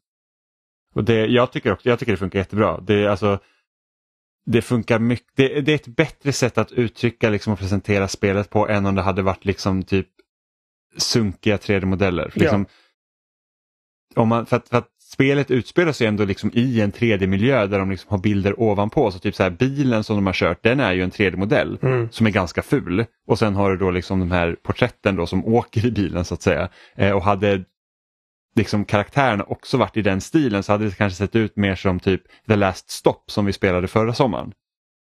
Eh, och det är ju så här att ah, det duger väl där men det är liksom, jag, då tycker jag att det här funkar mycket bättre. Ja, men Mycket det, för det är fina illustrationer. Ehm, ja. och eh, som sagt, alltså premissen eh, eh, är det som som, som äggar intresset tidigt för mig. Eh, och även om utförandet aldrig är liksom, alltså de har ju inte fingertoppskänslan av, liksom man, som man finner typ i Naughty Dog eller Rockstar eller vad det nu är. Um, men eh, Ja, nej, det är, det, är, en- det är en helt okej upplevelse just nu känner jag. jag. Jag har haft ganska trevligt och eh, jag hänger nog inte upp mig lika mycket på poliser som morrar och grejer. Jag vet inte. Ja, det gör ju jag. Men alltså om vi säger så här. Eh, jag tycker också premissen är intressant, men jag tycker att eh, utförandet inte lever upp till den. Det som jag framförallt tycker är synd, det är att när jag såg det här spelet presenteras så kände jag att nej, det här är nog inget jag kommer att spela va? Och sen så sa Jimmy så här ändå att men vi kan väl spela det tillsammans. Så tänkte jag, ja, ja men absolut, det kan vi göra. Och inledningen tyckte jag ändå var spännande. Jag kände liksom att men det här spelet det har någonting.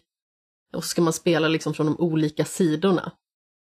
Men jag tyckte att det liksom tappade successivt hela tiden och jag låter ju förmodligen så enormt negativ. Men jag hade verkligen önskat att eh, det hade liksom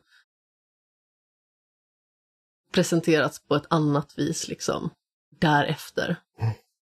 Ja, men jag, jag, känner också att jag, att jag har tappat nu. För att det senaste jag spelade var liksom att de, de, de har kommit undan och alla är liksom splittrade.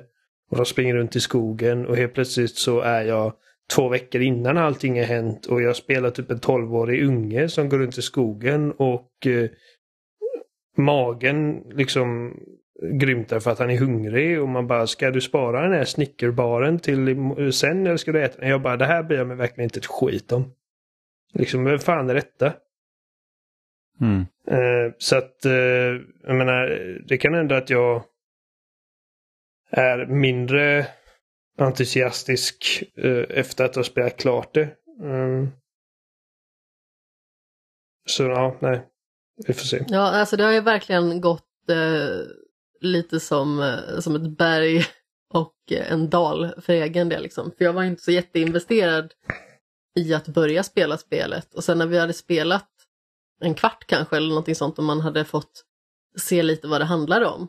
Då kände jag liksom att ja, men, då gick jag ganska så högt upp på toppen och kände bara att det här är ändå rätt intressant. Jag vill se vad det här blir för någonting och sen så bara sjönk det liksom som en sten.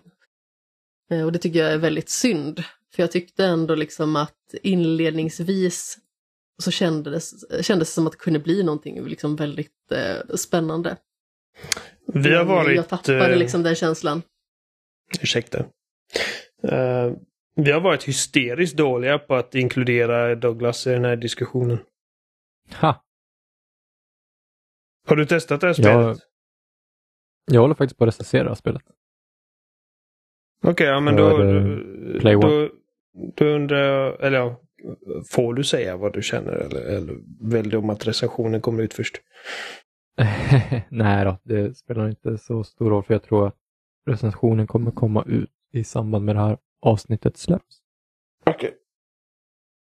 Men det var kul att följa diskussionen uh, lite på sidan om. Uh, jag är lite mer i, uh, i Olivers ringhörna faktiskt.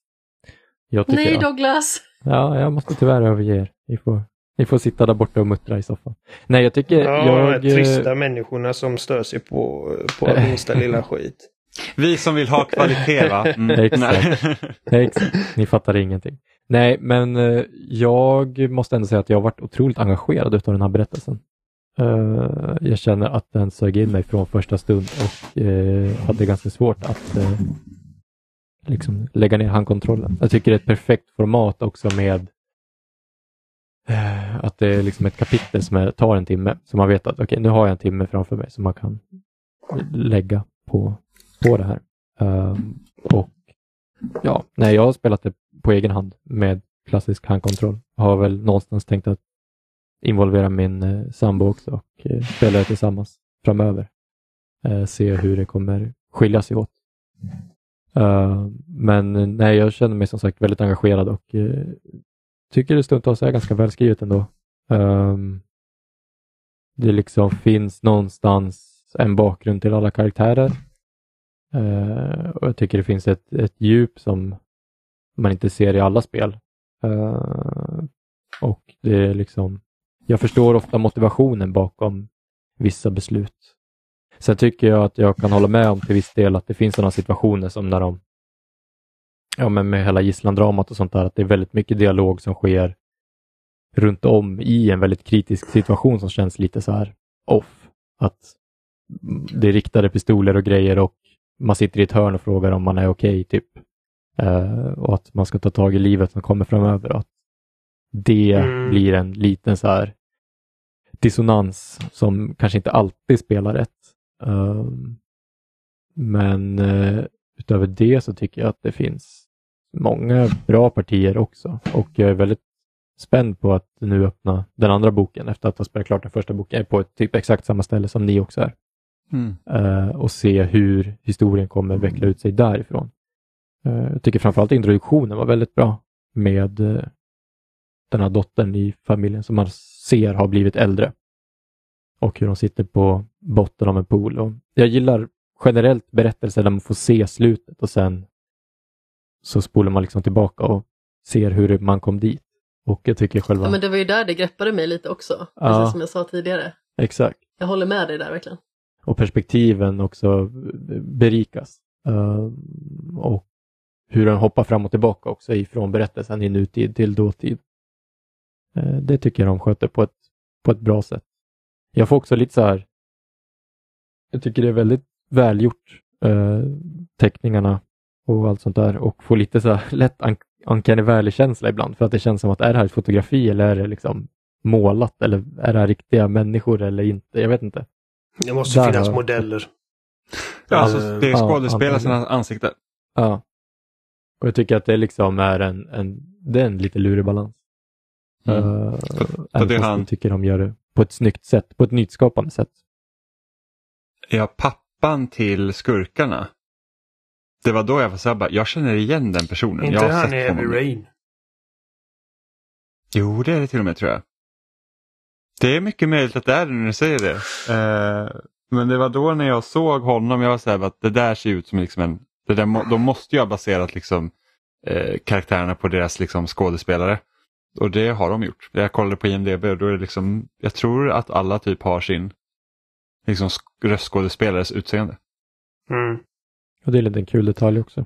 Sen är det ju, eh, vad heter hon, Caroline Marshall som ligger bakom det, som jobbade på Quantic Dream med just Heavy Rain och Beyond Two Souls. Ah. Som 2017 startade den här byrån då. Eh, vad heter den? Den heter Interior Night. Heter den. Mm. För då var de inne på att ja, men jag, vill, jag vill skapa... Ja, exakt. För hon, hon sa ju att alltså mer eller mindre att jag vill skapa spel för folk som inte spelar spel, men som typ gillar serier som ja, med Breaking Bad och sånt där. Fargo har de haft som inspiration också. Mm. Så att det här liksom är tänkt att någonstans introducera spel för folk som egentligen mest kollar serier. Så det skulle vara intressant att höra ett sådant perspektiv också. Nu är det ju vi personer som spelar väldigt mycket, ser väldigt mycket och då höjs ju ständigt ribban eh, för vad man tycker är bra och inte. Min mamma hade har- varit eh, fastnaglad framför det här spelet kan jag säga. Ja, det är det jag också är intresserad av att se min sambos reaktion. Och att man gör olika val och att valen faktiskt, som ni var inne på, spelar någonstans en roll. Även om många historier leder ju till samma ruta i slutändan. Men jag har ju hört andra personer som har fått karaktärer som har dött till höger och vänster och då ändras ju också berättelsen markant. Ehm, så jag vet inte. Det, det är ju uppenbarligen så väcker spelet känslor och det är ju ändå en kul grej. Då har man nog lyckats någonstans med att, med att skriva en, en berättelse som engagerar. Mm. Ja, men jag, jag gillar ju verkligen det här, alltså det var ju typ det jag gjorde att jag, jag gillade Heavy Rain då när det var nytt. För att det kändes som att gör jag misstag här då finns det liksom en risk att min karaktär liksom dör eller, eller liksom att det, du, det är ingen game over-skärm man möter utan det är liksom det tar slut för den karaktären. Och det känner jag lite här också, liksom att det finns en risk när du gör dina val att den här karaktären kanske liksom blir skadad eller liksom att, att det känns inte som uddlösa beslut helt plötsligt utan man måste tänka efter lite så att, för att det finns en risk så att säga. Ja, och framförallt så tycker jag att inget beslut känns bra. Typ någonsin. Du får alltid liksom balansera så okej det här skadar ju det här men det gynnar det där. Eh, Ja. Så det blir ofta en konflikt inombords. Det är kanske där engagemanget skapas. Sen att eh, utförandet ibland är styltigt och ja, man kan vara ärlig-aktigt. Det, det är väl lite vad det är. Eh, Men, jag tror att eh, jag satt, gans- jag har satt ganska länge när det kom till det här valet om vem man ska skicka ut först. Ehm, Du menar gisslan? Pre- Ja, precis. Att man, man får skicka Ja, jag hem tyckte att en det var det gisslan. lättaste valet. Ja, jag tror vi hade ganska, ganska överens om vad man skulle göra där. Ja, alltså i slutändan så skickade jag ut... Så här, ha- hade jag varit med Jenny och William i, eh, i ett gisslandrama och Jenny har blivit skjuten. Eh, om jag då hade fått möjligheten att skicka ut William och jag väljer att skicka ut henne, hon hade dödat mig. Ehm, och om jag hade Vem blivit... tror du att vi skickade ut? Oliver? Eh, jag har ingen aning. Det är det jag är nyfiken på. Dottern, Ja. såklart. Ja, men jag känner så här att alltså, det skjuts in i den här jäkla motellet. Det är liksom få ungen bort från vapnena så fort som möjligt kändes som prio. Ja, och sen så barn är ju så himla oskyldiga också. Oberäkneliga. Det är också för den delen. Och de, de är liksom svåra att styra och de har liksom inte samma logiskt tänkande som vuxna människor. Även att vuxna människor kan vara jätteirrationella naturligtvis. Men det kändes som det mest rimliga valet. Så sett.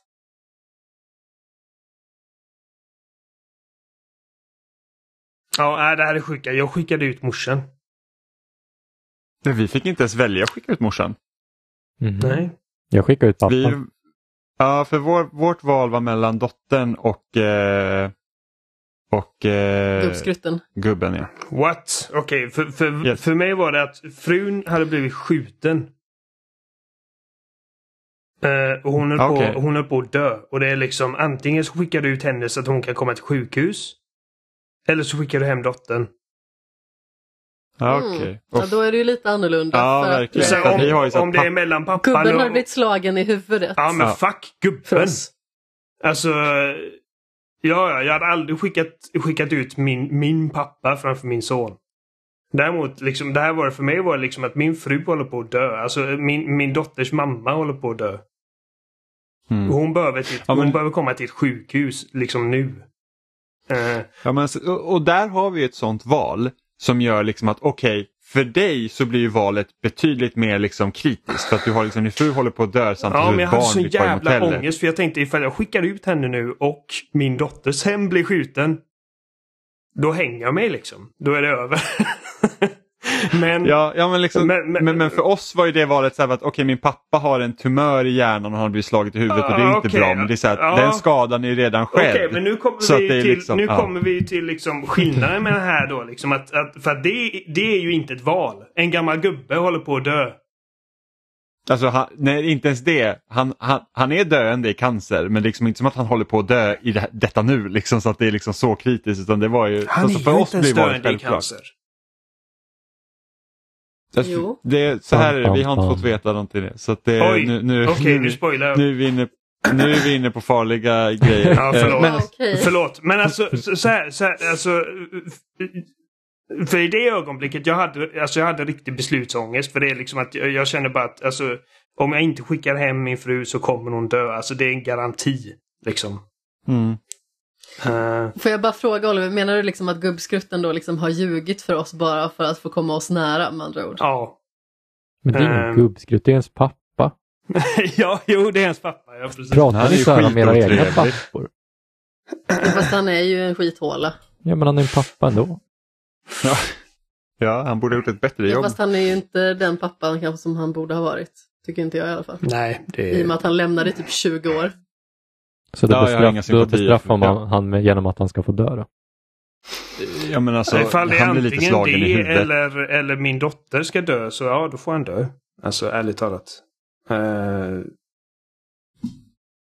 Ja, jag är anti-gubbstrut. hade det varit Men det känns lite som att han har inte ännu så här förtjänat ens eh, liksom kärlek. Nej, och det låter inte som att han kommer göra det heller så att... eh, Jag tänker på att han är en lögnare. ja, vilken skit.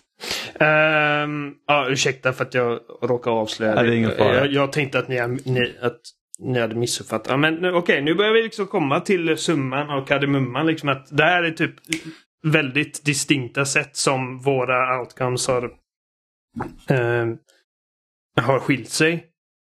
Och hade det varit valet mellan gubben och dottern så hade jag inte alls suttit där och väntat liksom. Nej. Eh, men här Ja, men där ser man ju också liksom att, att vi kanske har så pass olika liksom grejer så att jag och Amanda vi kanske har fått en så här dålig hand. Bara det är så här, bara, vad är det som händer här? Mm, ja, intressant. Fast Ja, man har ju skapat sin egen hand i och för sig. Precis, så det, så Och det man- gör ju att, liksom att Man gör är man intresserad medvetet. av sådana här... Nej, precis. Men är man intresserad av sådana här liksom, olika narrativ och man kanske tycker om också att spela om och se olika liksom, resultat av vad man har valt. Då är det ju liksom kanske mer spännande då. Men jag, vet, jag tror inte att liksom, jag kommer nog inte spela om det här bara för att se vad som hade kunnat hänt. Utan när vi är klara med historien så är vi liksom klara. Alltså visst att historien också är föränderlig och uppenbarligen så går det ju liksom att eh, får ganska så olika utfall. Men grundberättelsen tycker jag är lite synd för att den känns ganska så generisk. Det känns liksom som att man har sett alla de här grejerna förut. Ja, men det har man. Uh, det har man. Men det är, man har sett Last of Us förut också hundra gånger. Alltså, ja, kanske, en, en, men, en men bra ändå premiss liksom... är, är den, den, är o, liksom outtömlig. Ja, men sen är det ehm. också liksom sådär att eh, om ett eh, händelseförlopp berättas tillräckligt bra så känns det ju mer unikt. Tror jag också. Alltså, jag, jag tycker ja, inte det här känns så unikt just bara för att det finns en väldigt generisk grund eh, och det de gör med grunden tycker jag liksom oh, alltså, inte fungerar tillräckligt bra. Medan vi tar liksom så här uh, Walking Dead som, uh, ja men det kanske inte är så jätte, jätteunikt. Men alltså hur det spelet, det första spelet alltså, slutade. Alltså det, jag var helt förkrossad.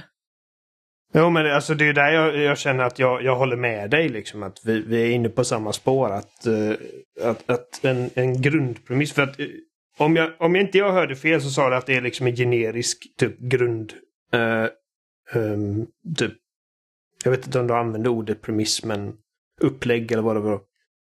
Uh, Nej men precis, alltså berättelsens grund är väldigt generisk och det är liksom alla de här grejerna som man ser har man sett väldigt många gånger förut. Så det känns liksom mm. som att mycket av det blir repetition från så här halvtaskiga tv-serier eller filmer som kanske liksom inte har nått någon sån här supernivå och även de som kanske är bra som har haft lite liknande händelseförlopp.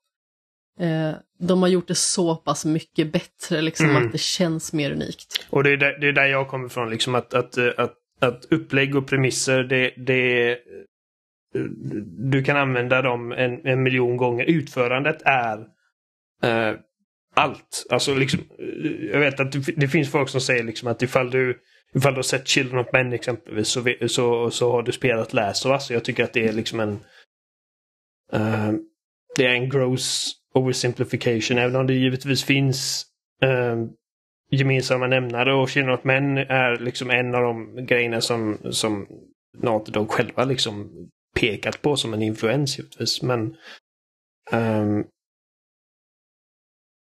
eller, eller ta typ Force Awakens versus A New Hope. Liksom, att där har du också liksom på ett, eh, på ett premissplan så är det två väldigt, väldigt, väldigt lika, då, liksom liknande filmer. Men utförandet, karaktärerna, kontexten och allting sånt, det, det, det är det absolut viktigaste.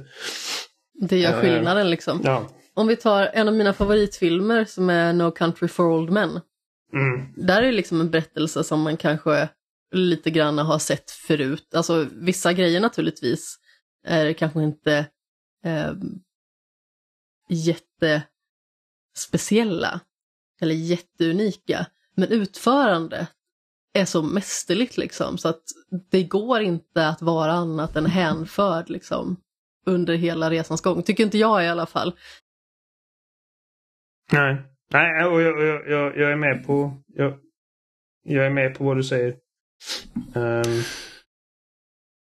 Men som sagt, alltså, jag, jag, jag, jag har sett alltså, väldigt höga betyg på spelet. Men alltså, nior.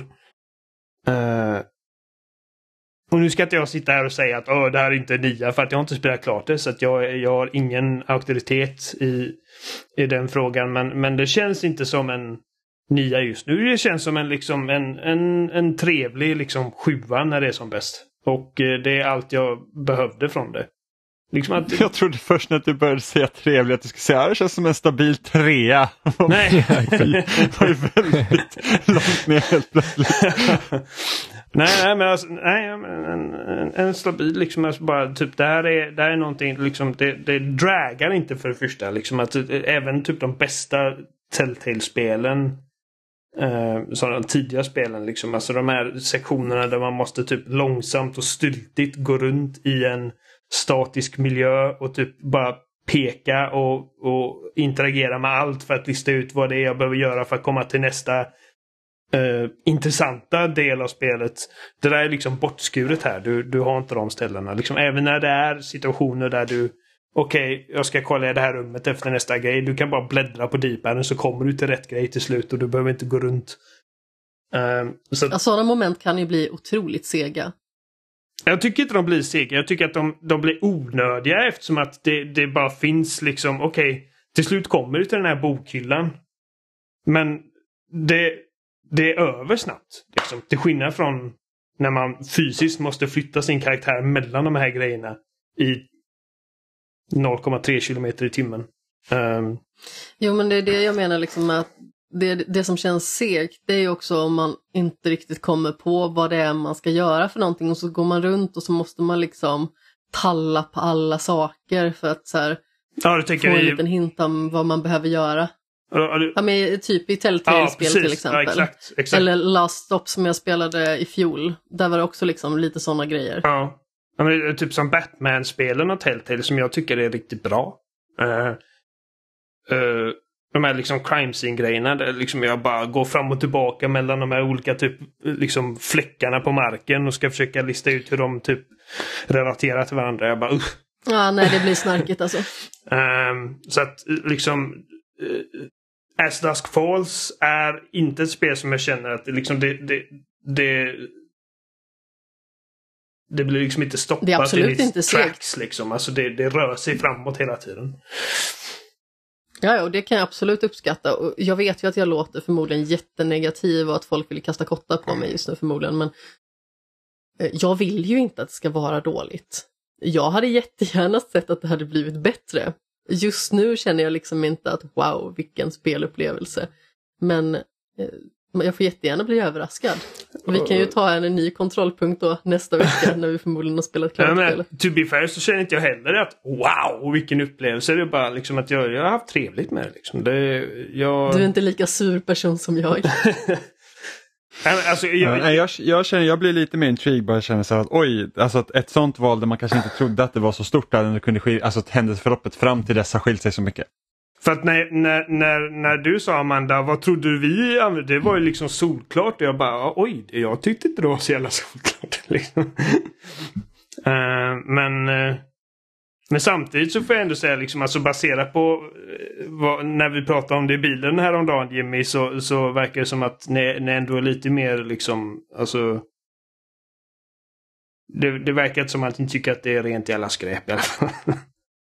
Nej, alltså vi är inte 100% negativa.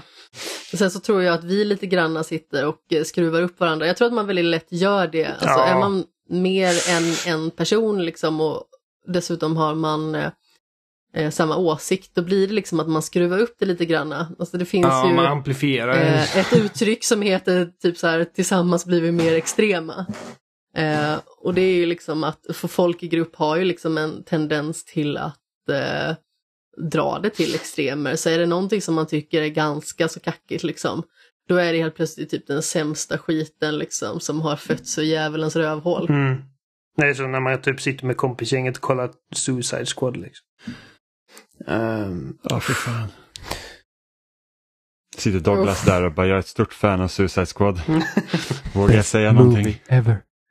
Nej, faktiskt inte. ursäkta mig. Den somnade. Den första Suicide Squad är ju hemsk. Jag såg 20, 27 minuter tror jag. Sen Ja, bara, men jag, I tap out. Nej, men jag vet inte vad som hände, sen var filmen slut. Så, Jaha, det var den. Ja. Nej men eh, kul, det är om As Dusk Falls låter spännande så finns det ju på Game Pass ja, också. jag menar, det, känns som att vi va- det- varje vecka är bara så här, åh det finns på Game Pass. Det- vi spelar inget annat nu för tiden. Det är ju lättillgängligt liksom. Alltså, jag, menar, jag eh, hade jag hade jag behövt betala, jag vet inte, jag kan inte tänka mig att det kostar 600 spänn. Hade jag behövt betala 600 spänn så hade jag liksom haft Nej, jag hade inte köpt det. lite... Så, så, nej, så inte, nyfiken inte jag var jag inte på det. heller. Det här var något, Nej. liksom jag såg det i den här typ eh, reelen de hade på eh, Summer Games Fest eller whatever. Ehm, och jag bara, ja men jag, jag tyckte om, jag tyckte om liksom karaktärsporträtten, det såg intressant ut. Så jag bara, ja, men det där kan jag liksom i alla fall starta i fem minuter när det kommer på Game Pass för att det är liksom så låg entry level. Ehm, Ja. men ja. Verkligen. Det är ju kort. Alltså stora fördelen är ju att det är koncentrerat. Mm. Mycket beslut Ja. under kort intensiv tid. ja, men precis. Skicka inga hatmejl till mig. Snälla. Det är bara jag och Oliver som kommer sitta och knåpa ihop. Ja, ja, de bara Amanda, du är så dålig, jag kan inte tycka att titta på det här. Ja. Nej, men Eh, herregud. Men det, ja, Man tycker Nej. olika, det är inga konstigheter. Det som är det bästa med livet. Nej, men sen, alltså, sen kan det ju vara sådana spel också som, alltså, jag tycker det är som sagt premissen i det här spelet var intressant liksom när spelet väl kom igång. Mm. Precis inledningsvis. Men sen så kan man ju spela andra spel också där berättelsen är helt hokus pokus och man fortfarande har jätteroligt med det. Vi spelade det här Escape Academy som vi pratade om förra veckan. ja. Och där vi hade jätteroligt med själva spelet, liksom med alla de här utbrytarpusslen. Men berättelsen är ju helt uppåt väggen. Jo, jo, men sen samtidigt så att det här spelet bygger enbart på berättelsen. Det finns liksom inget annat där. Nej, nej men precis. Eh, nej, men jag bara menar liksom- liksom att eh, eh, alla spel behöver inte ha en bra berättelse. Nej, nej, men det är som ta Tomb Raider-rebooten till exempel. Där liksom så att storyn... jag minns inget av Nej, dem. men storyn fungerar när du spelar dem och då, liksom, då är det så att ja, men självklart jag vill se liksom slutet. Det fungerar som en morot medan man spelar och så fort eftertexten har rullat så är det så bara, ah, ja nu kommer jag inte ihåg någonting längre. Ändå kan jag typ säga att jag älskar de två första av de tre spelen. Men jag minns typ inte nästan någonting av framförallt Rise, som Ja. jag tycker är det bättre spelet. Ja, men precis. Mm. Ja, men eh, jag tror att det var allt vi hade för eh, den här gången helt enkelt. Tack Douglas för att du ville vara med. Ja, men tack för att man fick komma tillbaka. Väl, väldigt eh, roligt. Så var hittar man dig när du inte är och tjatar spel med oss? Eh, framförallt på Twitter i Douglas Lindberg ett ord. Eh, och sen så skriver jag då för Play One. Så det kommer då en recension på As Dusk Falls eh, under veckan. Så man kan kolla in om man känner för det. Det finns lite andra texter jag skrivit tidigare också. Och ja, framöver under hösten så kommer jag trumma på där. Douglas uppsats om hur fel jag har. Exakt. Ja precis, det blir ett personligt brev till Amanda. Bara, Kära Tio Amanda. punkter där Amanda har fel kommer jag skriva Ja, en artikel om. Glöm inte Jimmy. Ja. Det är inte bara Amanda. Mm. Hej, hej, hej, dra inte mig in i det här. Mitt ord är lag. Det går inte att kritisera. Klumpar ihop er två Nej, tillsammans. men Jimmy är ju en sån person liksom som att han, om han säger grejer, alltså folk bara följer det ibland. Mm. Jajamän. Typ när vi spelar Among us. Mm. Born leader. Men han är ju så jävla stor och lång och allting så man vågar inte göra något annat. Hans långa aura skiner igenom på Discord. Precis, det är Exakt. bara så här, vi gör så här. Nej, men jag får ofta höra det liksom när man pratar i så här, sammanhang på jobbet också. Så bara, ah, men du pratar alltid med sån auktoritet och man var så här, jaha, det här ska vi utnyttja. Eh, Allt det här ska bli mitt. Ja, precis. Eh, men men Douglas, läs- eh, grattis till Mm. dig och, eh, och sambon på husköpet återigen. Ja, tack. Det känns Ja, eh, grattis. stort. Ja, men Grattis det, till det är eh, stort. belåningen Ja, precis. och de Nu billiga elpriserna. Herregud. Ja, det var ju en ny eh, upplevelse. Ja, det blir bra. Ja, det- ja, det är skillnad på elen. Det, det, Det får man säga. Slava Ukraina och så vidare. Vi vill ha tillbaka våra bra elpriser. Ja, vår el ingår ju i vår hyra så det får man ju säga som en bra bonus för vår del. Ja, Exakt. alltså, det avtalet som vi har just nu liksom med hur vi bor och vad vi betalar. Det är en sån jättestor anledning till varför vi liksom inte skyndar oss iväg härifrån. Nej. Så vi vill ju jättegärna ha en större lägenhet åtminstone, en stor trea eller en fyra. Men vi har det liksom så bra här rent ekonomiskt. det kan inte Så vara vi känner vanligt liksom bara att det är eh, svårt. det kan inte vara vanligt att elen ingår. Nej, det är ju inte det. Eh, ja, nej, det, det är en bra deal. Ja, Sen är det också ett ganska gammalt lägenhetskomplex. Du har ju varit här Oliver. Ja, jag tycker det är mysigt. Är det? Och det är ju liksom inte... Ja, ja, absolut. Sen är det liksom inte det mest eh, nymodiga och det är väl också sådana grejer som man liksom känner att om man ska flytta någon annanstans då ska det liksom vara nymodigare kök och badrum och sådär. ja, ja, men Och det, framförallt större. ja, men vi behöver inte flytta för att vi måste utan då flyttar vi för att vi vill Ja, i så fall. det är kanon. Eh, Men ni hittar oss som vanligt på spesnat.com och där finns också länkar till alla ställen vi finns som Facebook, Instagram, Twitter eh, och eh, varje podcastapp du kan tänka dig som Spotify, Apple Podcast och eh, vad nu Googles variant heter. Eh, vi finns även på Youtube och vi läggs också upp varje vecka på loading.se där vi också recenserar spel och eh, lite annat. Eh, ni kan också mejla in till oss på kontaktetspesnat.com eller byt ut kontakt mot några av våra förnamn spesnat.com ifall ni har frågor, funderingar eller vill att vi ska ta upp något speciellt. Och så hörs vi igen nästa vecka. Hej då! Puss i ömskan.